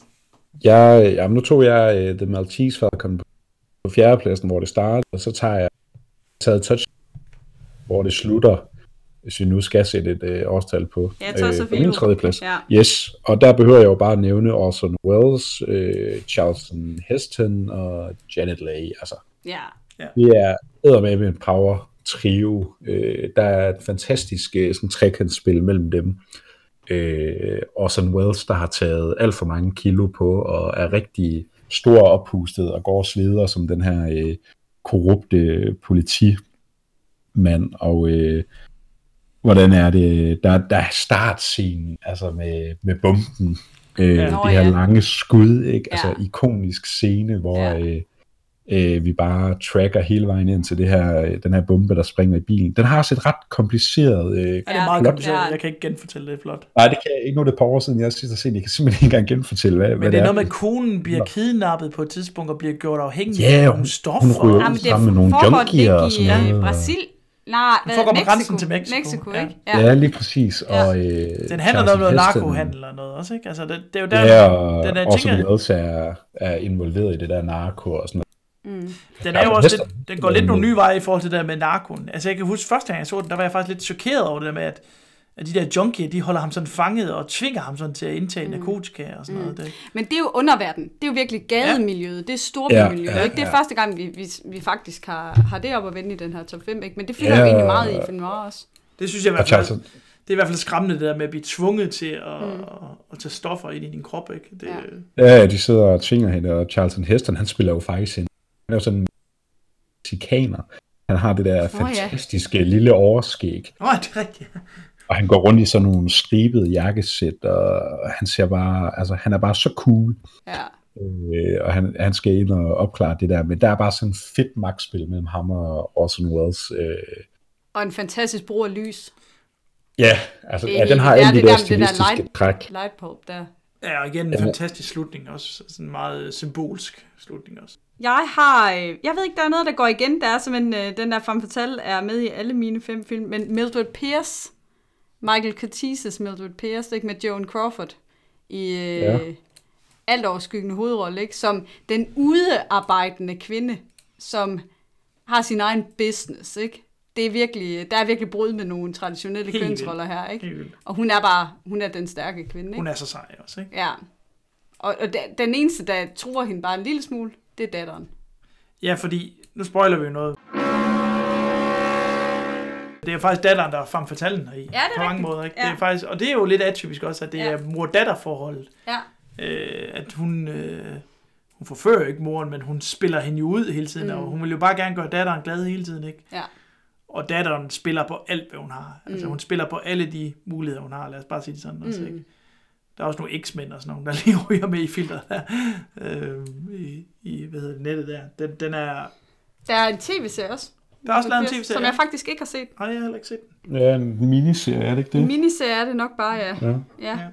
Men jeg synes, den er, den er fuldstændig fantastisk. ja det er en fantastisk film. Øh, også lidt atypisk noir måske ikke. Fordi man kan jo sige, igen, miljøet der i er måske ikke, det handler jo om det her business-miljø. Igen en diner. Et diner, restaurant ting, ikke? Øh, Det har været billigt ja, kulisser. ja, ja, det er jo også B-film. Ja. Øh, ja. Ja. Men Mildred Pierce er bare en interessant karakter. Og meget sådan anderledes karakter, ikke? Fordi hun er jo helt klart, det ser man allerede fra starten, at hun er den stærke, ikke? Hun kan både lave mad, og samtidig sørge for, at hendes datter øh, kommer i skole, og sådan, i starten, da manden, han stadig er med hende, så er det hende, der presser manden til, at han skal ud og arbejde lidt mere, sådan at datteren kan få den kjole, og mm. datteren er enorm. Ja. Datteren er nok så en, man vil kalde curlingbarn i dag, ikke? Hun, er, Ja. altså, hun får alt, hvad hun peger på, og Ja. er mega forkælet, ikke? Og Mildred Pierce lever for den her datter, ikke? Og for at gøre hende glad, og det bliver jo også hendes... Det er jo det fatalistiske i dag, ikke? Det bliver hendes downfall, ikke? Jo. Mikkel, har du Yes. set uh, Mildred Pierce? Nej. Nej, Nej, jeg har ikke set den. Den lyder øh, super interessant. den er rigtig, rigtig god. Yes. Og det, Den er også ude Ja. en flot Criterion Blu-ray. jamen, det er de jo alle sammen. Og John ja. Crawford er jo Joan genial. Crawford, hun er, hun er genial, den rolle, ja. Ja. Fantastisk. Fantastisk karakter, fantastisk film. ja. Kom vi rundt med tredjepladsen nu? Har alle sagt deres tredjeplads? Jeg tror jeg. Godt. Anden plads, Christoffer? Double Indemnity. Ja. Og jeg vil ikke sige mere. Nej, jeg har også Double Indemnity som nummer to. Ja. Og den er ligesom, den er lukket, ikke? Den Øh, kunne også nemt være nummer et på en god dag. Ja, det kunne den De sagtens. tre der, de kan godt ligge og skifte plads, de tre, jeg har i min Ja. ja. top tre der. Mikkel, hvad har du på Altså- den anden plads? Øh, jamen, jeg har også Double Indemnity, Sådan. og, øh, og det går op for mig, at nu har jeg både øh, med Stray Dog og Maltese Falcon og øh, Touch of Evil, at, at jeg tror, der hvor jeg oftest kan stå af på øh, film noir, øh, det er når det bliver lige lidt for komplekst, altså til man kan følge med. Og det er da bare der, Ja. hvor Double Indemnity fungerer så skide fedt, fordi Ja. altså, den spiller bare på alle tangenter, og det lyder perfekt, ikke altså? Ja, men det er der, der er Bill Wilder virkelig ikke er... Øh, altså, han kan få noget kompliceret til at virke lidt. Igen, Ja. The Big Ja, ja. Sleep, som vi snakkede om tidligere, ikke? altså, den er jo så også kendt for at være nærmest øh, umulig at forstå. Ikke? Altså, Ja. Den har så enormt meget, den har enormt meget stemning. Altså, den har virkelig meget stemning, og den har den her kemi mellem de to, mm. øh, mellem Bogey og, hvad hedder mm. hun, Bacall, ikke? Det, det, det, fungerer jo virkelig, virkelig godt, men Ja, ja, jamen, og det er jo ofte der film noiren vinder, synes jeg. Altså, det er altså på, på stemningen, ikke? Fordi at det, det er ikke... Men det er måske Og- også en pointe i, at det er så kompliceret, ikke? Altså det der med, at det bliver sådan Ja, ja, en, en knude på en knude på en knude, ikke? Altså, mm. og man så forsvinder ned i et eller andet rabbit hole, ikke? Altså, Men det er jo er mere den indre end den ydre konflikt, der er det interessante i noir. Så Ja, et eller andet sted er det jo lige meget, om det ydre det fungerer, kunne man godt sige. ja, det er jo det der... Eller ikke fungerer, men, men om det, man men forstår det det. øh, understreger måske det fatalistiske i det igen, igen det der med det samfund, der sådan øh, rykker rundt på dig. Du mm. kan ikke rigtig, du er bare en brik, der mm. kører rundt, du er clock in the machinery, ikke? Mm. Altså, Ja. Nå, øh, jamen, så kan jeg jo næsten regne ud, øh, at vi har den samme Mikkel som nummer et. Skal du sige det først? Jamen, det kan jeg. Jeg har øh, selvfølgelig Sunset. Det har jeg i hvert fald også. Sunset Boulevard nummer et. Fantastisk. Fantastisk. Og hvem viste dig den film for første gang? Det gjorde Maria, da jeg sad som pur ung og ikke vidste, hvad film noir var. Så Var det første eller anden G? Jeg tror, det var, det må have været 2G, ja. Ah, okay. En Ja, god slag år siden efterhånden, ja det er men øh, det. I elskede faktisk den. Det gør sådan jeg faktisk. varm. Ja, det var sådan en varm sommeraften, og så øh, kører Sunset Boulevard, det var de rigtige omstændigheder, altså det var, jamen det var jo faktisk, det var jo livsind, det var jo en filmisk livsindrende Ja, men det er rigtigt. altså oplevelse. Fordi hold kæft, er den film god. Nu, nu genså jeg den for første gang her for et, øh, altså det var faktisk kun anden gang, jeg så den, og det var okay. Okay. her for en lille måneds tid siden, eller sådan noget, men altså, den er, altså ligesom, den, jeg synes, den har meget af det Double Indemnity har. Mm. Altså, den kører også bare lige derud af, og det er bare så fedt. Og øh, så, så, så synes jeg, at den har sådan lidt nogle anti-ting. For eksempel med øh, Norma Desmond her, som... Ja. Øh, altså, hun er, hun er ikke lige den typiske femme fatale, som vi selvfølgelig har været omkring, men den der gamle, sølle dame, mm. og den tager det der metatake på øh, filmverdenen. Det er det allerfedeste ved den. Synes Yes, øh, Cecil B. DeMille, der Ja. dukker op i en cameo ja. som sig selv, ikke? Altså, som den her øh, arrogante instruktør fra, fra storhedstiden. Øh, som har fundet sin næste stjerne, ikke? Og, og så har den jo bare nogle fantastiske citater, og hele slutningen, Ja. øh, I'm ready for my closer, ikke? Altså, Ja. There in the dark. All right, Mr. DeMille, I'm ready for my close-up.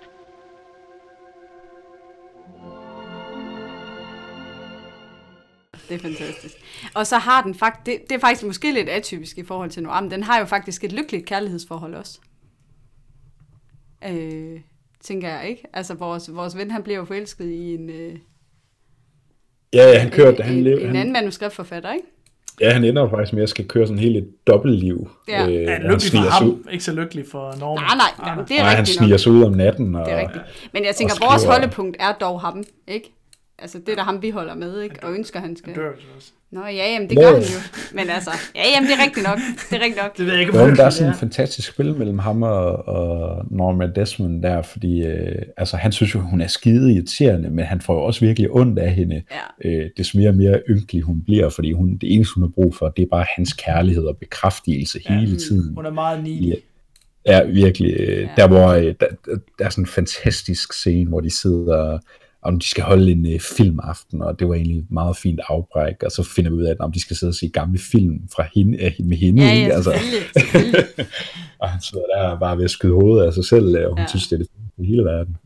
Ja, det er også bare en fantastisk, øh, hvad hedder det, altså ikonografi, ikke? Altså der er rekvisitter ja. Ja. og locations, og det hele det fungerer bare i den. Men det er jo også en kærlighedserklæring til klassisk Hollywood. Ja, Ja, det er virkelig old Det er det. Hollywood. Det er det. Øh, det er så lækkert at, at sidde og kigge på. Så det er jo et stykke filmhistorie samtidig med, at det er en fantastisk noir også. Ikke? Ja. Altså, den fortæller dig noget omkring filmhistorien Ja, også. den ligger lige midt i perioden, ikke? Den er fra 50, tror jeg. Ja, den, Ja. ja. 1950, ikke? den ligger Jo. jo egentlig relativt sent. Øh, Ja. Det gør den. Christoffer, til de klassiske. 100 p på, at du har Mildred Pierce som nummer Ja. Mildred Pearson med. Ja. Okay, fint. Så det Jamen, det er så vores top 5. Ja. Og alle de øh, film, vi har nævnt i den her forbindelse, dem synes jeg, man skal sætte sig ned og se. Jeg har lige nogle bobler. Åh oh, nej. Jamen, jeg vil egentlig godt lide, Christoffer, hvorfor, øh, nu siger jeg, at du, nu kunne både Sunset Boulevard og Double Indemnity Ja. være nummer et på en god Ja. dag, så hvorfor er det lige Mildred Pierce?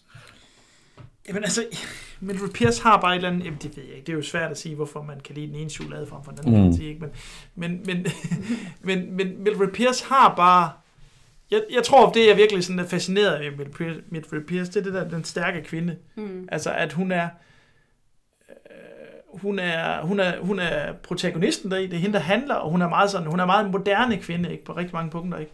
Og så ja. det der med, at hendes downfall, det hun så bliver knækket af, det der er hendes svaghed, det er så hendes datter. Det synes jeg, Jeg kan slet ikke huske manderollerne det.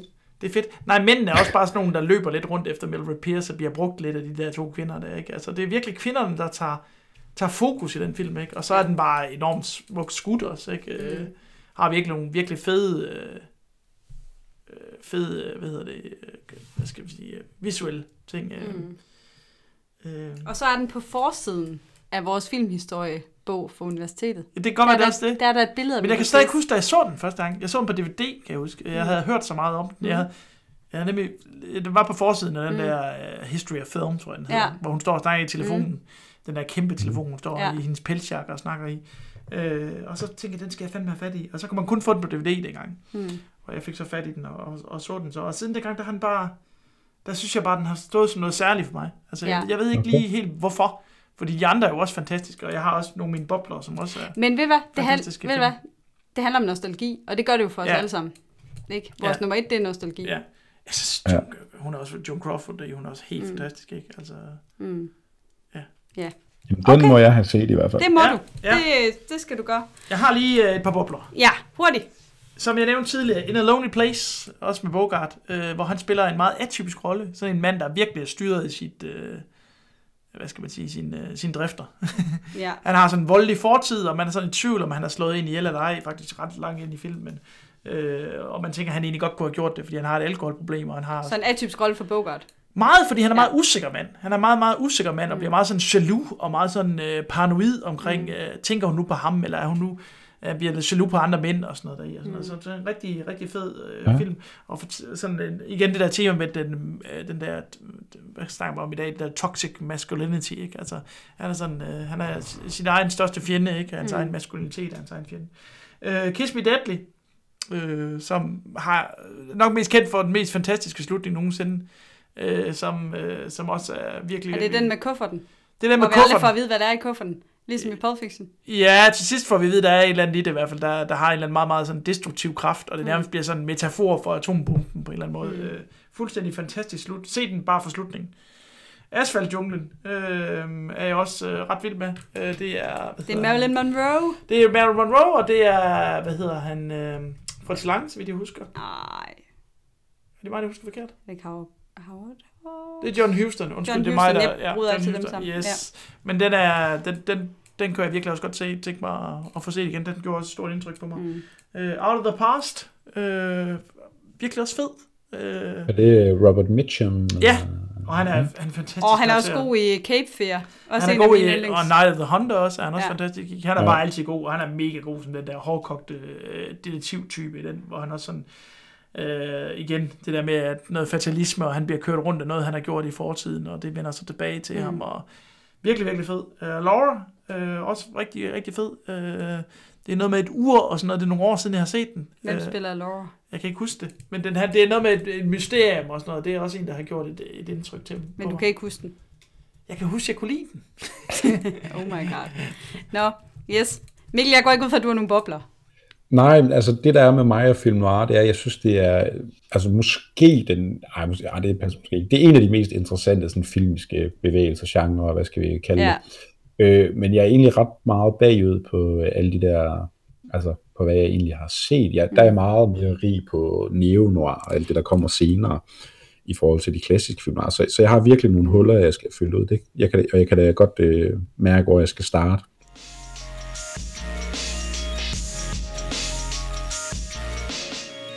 Men nu introducerer du jo faktisk øh, neonor. Du nævnte øh, begrebet neonor. Har du nogle bobler, Maria? Nej, det har jeg ikke. Vi skal også Åh. videre til neonor. øh, neonor, Mikkel, kan du øh, sige lidt om, hvad det er? Jamen, neo-noir, det er jo sådan lidt en... Det er jo, der går lige nogle, øh, hvis vi siger, at den, film, den klassiske film noir bliver ude med Touch of Evil, mere eller mindre i 1958, så øh, går der lige nogle år, og så som lidt et led i den amerikanske nybølge, kan vi godt sige, Ja. så øh, begynder de ligesom at kigge tilbage mod øh, film noir, film noir øh, og begynder at bruge den igen. Men det de så gør, er, at øh, de får skruet op for amoralen, de får skruet op for sexen, de får skruet op for sådan de grafiske elementer, og, så, og det er selvfølgelig heller ikke sort-hvid film mere. Mm. Øh, men, men altså, den, den vender op og ned, og så vender den op og ned på nogle af alle de her arketyper, vi kender. Øh, vi har øh, altså Chinatown, er sådan prototypen, der kan vi sige på Ja. en øh, neo Den vender virkelig op og ned på nogle af de her, sådan, den der fem fatal rolle og detektivrollen, der egentlig ikke kan udrette en skid. Og, Mm. Og øh, så Altså, er den også bare, så, Så det... det- så er den bare så ond også, ikke? Altså det der samfund, der er der i, det er bare lige, der er lige gået nogle årtier, ikke? Så der er lige blevet skruet lidt op for, hvor ondt det der samfund kan være, ikke? Øh, Nogle ja, ting, vi, man måske når en helt... tid, hvor alt er pilråden. Man kan også snakke om Taxi Driver, ikke? hvor øh, Ja. samfundet bare er skrabet. Øh, og det der så er med neo den øh, bevæger sig lidt ud i nogle afstikkende kategorier. Vi kan også snakke om øh, tech-noir Mm. med øh, Blade Runner og, og ny, øh, Nordic Noir, som vi har været gode til i Skandinavien Ja. ja. på seriefront og alt muligt spændende. Ja, så vi har, altså inden for neonoir har vi den her øh, type af film, som foregår i perioden, altså 50, den klassiske mm. periode, altså 40'erne og 50'erne, ikke? som jeg vil kalde for periode noir øh, inden for Ja, men det havde du et andet... Det havde du et andet ord for, Mikkel. Hvad, hvad var det, du kaldte det? Ja, jeg kaldte den retro noir. Den ligesom- Retro noir er jo også et fantastisk ord. Det synes jeg på, en meget, Ja. på, mange måder meget Så federe. LA Confidential vil faktisk også være en rigtig... LA Confidential. Præcis, ja, LA. Confidential, Fantastisk Chinatown.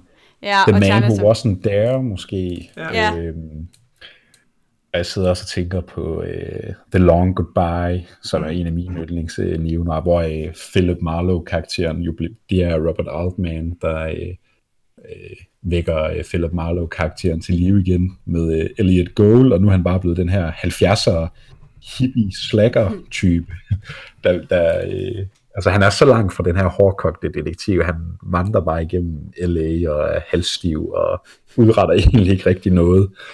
Øh, det, det kan jeg noget helt særligt. Ja. I Danmark har vi øh, tv-serien Æderkoppen. Mm. Ole Christian Massens. Ja, øh, fra og- 2000, som er ret fantastisk også faktisk, i seks dele. Der er også øh, Lars von Triers debutfilm, øh, The Element of Crime, mm.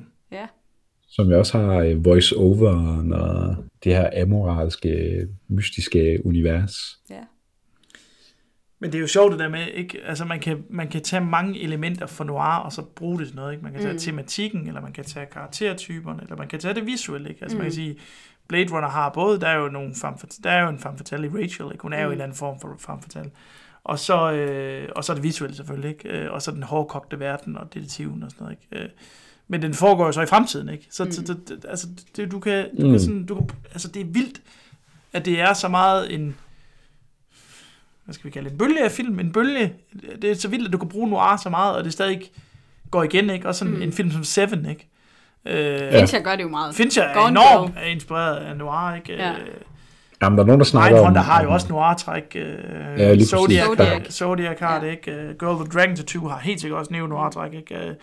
Øh, Både sådan visuelt, men også sådan øh, karaktermæssigt og miljømæssigt, ikke? Øh, Og Seven er jo interessant, fordi Seven faktisk, første gang jeg så den, der tænkte jeg faktisk, skal den her film, skal den foregå, hvornår den foregår i 90'erne, ikke? Skal den foregå i 90'erne? For den ligner egentlig, mm. politibetjenten ligner egentlig nogen fra 50'erne, ikke? Øh, den Ja. der måde, det tøj, de er på. og Ja, de har de der trenchcoats, og Ja, især, hvad hedder han, øh, Somerset. Ja, og Somerset har sådan en, øh, han har sådan en six shooter, ikke? Han har mm. den der trenchcoat, Ja, ja, ja. regner og sådan noget, ikke? Altså, det kunne lige så godt, der er, den er meget inspireret af 50'ernes, 60'ernes, øh, Jamen, der er nogen, der har kaldt 50'ernes noir, øh, ikke? sådan Seven og Memento og, og den der type film for, for samtids noir. Så kan vi Ja. selvfølgelig Ja. snakke om, at det ikke bare er thrillers eller mysteriefilm eller det ene eller det andet. Ikke? Men, men de, de har jo helt sikkert, som du også siger, Christoffer, øh, mange film noir-træk. Mm.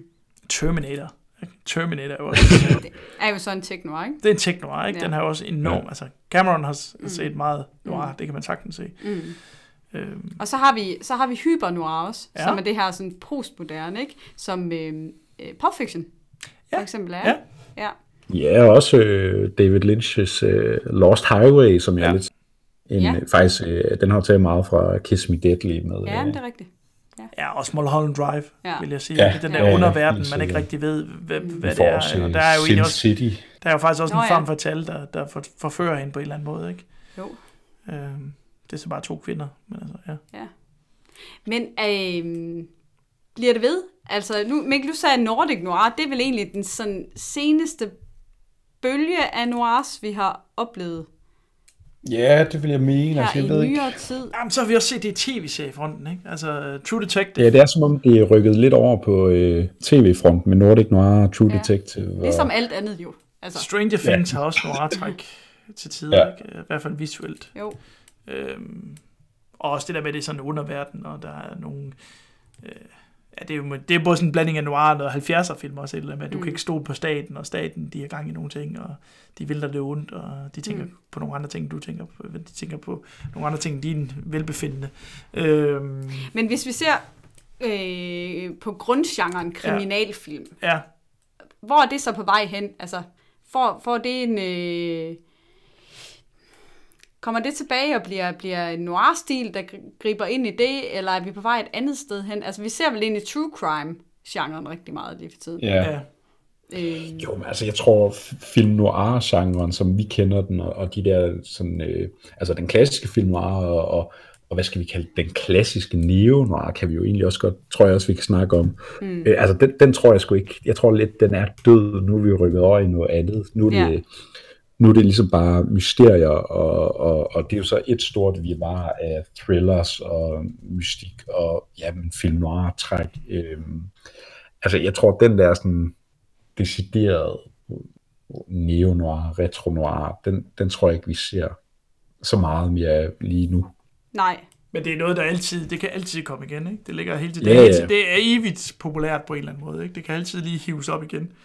Øh, jeg synes jo helt sikkert, som sagt, Mindhunter har jo Mm. også, øh, det er det nyeste, der har virkelig mange øh, øh, noir-træk. Mm. Så ser man det jo også i computerspil, for eksempel, ikke? Øh, den der Detroit, den der, hvad hedder den, Detroit Become Human, har det der spil, der udkom sidste år, har enormt mange noir-træk, ikke? Øh, Ja, der var jo også uh, L.A. Noir. Hvor der var også L.A. Noir, som så foregik i 50'erne, øh, så vidt jeg husker, eller 40'erne måske endda. Ja. Jeg tror, det er 40'erne eller 50'erne. Jeg kan ikke Ja. huske det. Øhm, så, så, så, så det er jo nok noget, der sådan... Altså, jeg håber da, det må da gerne komme lidt igen. Fordi jeg synes da, altså... Det er jo da herligt sådan noget som... Igen, nu snakker vi Basic Instinct tidligere, ikke? Altså, den er virkelig... Den drøber jo af noir også, Mm. ikke? Altså, Men det er sjovt, ikke? Fordi har femme fatale karakteren ikke lidt udspillet sig selv, ikke? Altså, når vi snakker køn i dag, så Ja. ja. det, det, det er ved at være en, med far for lyde gammeldags, det er ved at være en øh, underlig snak, ikke? Eller der, er- der er mange ting i spil lige pludselig. Altså, Jo, men jeg læste, jeg læste faktisk en, øh, jeg læste faktisk, øh, det var en interessant artikel i dag om, at, at øh, og det var især på tv-seriefronten, at, at der var det som om kvinderne, de var nået til et, de var nået til et sted, hvor de faktisk kunne begynde at, at have de der øh, amoralske karakterer, som ligesom har været reserveret til mændene indtil nu. Øh, om vi så snakker The Sopranos, eller Breaking Bad, eller Mad Men. Øh, der er jo sådan noget som, jeg tænker sådan noget som Killing Eve, og, Ja. Og Sharp Objects, Big Little Lies, øh, Game of Thrones. Altså det er jo ligesom mm. nogle, der, der er sådan lidt noget, noget femme fatale over det, de her øh, kvinder, der sætter dagsordenen. mm, Øh, Så der er måske ved at ske sådan lidt en udligning på den front, og nu har den, altså den klassiske antihelt har jo virkelig været reserveret til den, den mandlige øh, protagonist, især på tv-seriefronten. ja. Det er rigtigt. Nu kan jeg se her, nu, nu fandt jeg det i en artikel omkring, hvorfor uh, The Third Man uh, ligesom inspirerede Detective Pikachu, som kører i biografen nu. Ikke? Så, den, så den er ikke helt død, den her noir. Nej, okay. Altså man kan også sige, at der er også noget anime, Jamen, det... for eksempel Psychopaths, der også har taget elementer af noir ind, sådan lidt nyere anime. Jo, Ghost of når the Shell det- har selvfølgelig også Detective- elementer.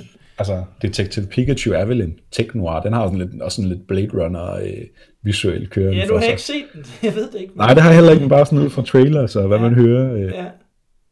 Så, ja, så har der jo været Blade Runner 2049 for Ja. ja. ikke så mange Ja, år ja, siden. Ikke? Der har været Drive, der har været uh, Nightcrawler. Ikke? Altså, der, er- det, det dukker op en gang. Ja, det er faktisk der. rigtigt. Det er rigtigt. Øh, og så er der jo så også de der film, øh, hvad hedder han, ham der, der laver den der, øh, hvad hedder det, ham der har lavet Green Room, og hvad hedder det, ham der, øh, Solier, Nå, ja, ja, ja, Jeremy Saulnier. Ja. han har også øh, noir-træk i hans film, ikke? Øh, synes jeg helt klart. Jo, jeg tror, jeg tror egentlig, det bliver et spørgsmål om sådan om, om 20 år, ikke? Så, kan, så kan vi kigge på, hvad var det, altså det er sådan, hvad for nogen kommer til at stå tidens tand, ikke? Fordi jeg tror sådan en som Nightcrawler og Drive, det er sådan nogle, dem kommer vi også til at snakke om som neo-noir. Det er måske mm. ikke lige i dag, vi snakker mest om det, men om 20 år, så vil det også være øh, altså neo-noir film, vi kan snakke om som sådan hovedværker. Ja.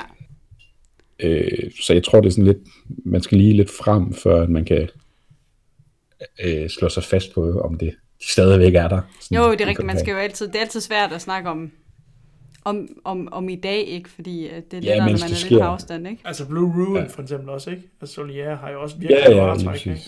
Ja.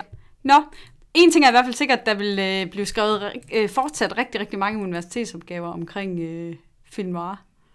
Og diskuterende afsnit om det er stil, Det er jo interessant. periode eller Altså, som jeg sagde bevægelse, eller hvad huland er. det kan godt være, at jeg fik sagt det, inden mikrofonen blev sat til, men øh, det der, jeg kan bare, jeg kan blive ved med at se noir. Altså, jeg kan godt bare, jeg kan blive ved med at bare sætte mig ned med en bunke noir, og så bare se noir fra nu af til Mm. I næste Ja. uge. Altså, hvis jeg havde en bunke på 50 noir, så kunne jeg bare gå i gang med at se den. Altså, jeg, jeg bliver ikke træt af den genre. Men så samtidig, så vil jeg også sige, at det sådan, jeg blander dem lidt sammen, for de handler nogle gange lidt om det samme.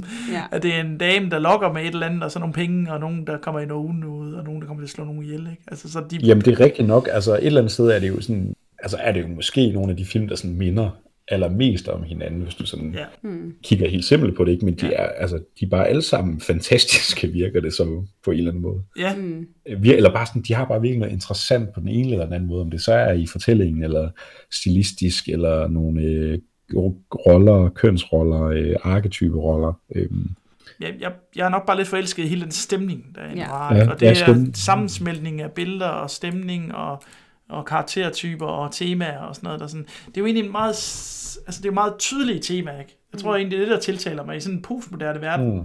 Så er det meget tydelige tema, ikke? At det er meget tydeligt, at det er den svage mand, og det er kvinden, der forfører sådan noget. Det er jo egentlig meget, som du sagde før, det er jo egentlig meget konservativt syn på mænd og kvinder, ikke? Mm. At kvinden er den farlige, ikke? Og mænden skal holde sig lidt fra hende, fordi han kan ikke styre sin egen seksualitet, Mm. hvis han kommer i nærheden af den, ikke? Det, men det tiltaler mig egentlig også lidt, mm. den der konservatisme, der egentlig ligger lidt i det, ikke? Det, det, det er jo sådan Mm. lidt, det er noget for en svunden tid, ikke? Mm. Øh, det synes Og jeg det er sjovt, for det har jo ikke været tænkt som konservatisme. Det har været tænkt som Det er det jo blevet i dag, ikke? det modsatte, ikke? Ja, ja. Er det det, vi når om film noir i aften? Jeg synes, vi er kommet godt omkring de, historiske nedslag og et par, et par gode titler. Yes. Jamen, så siger vi øh, tak herfra. Tak for nu. Tak for i aften.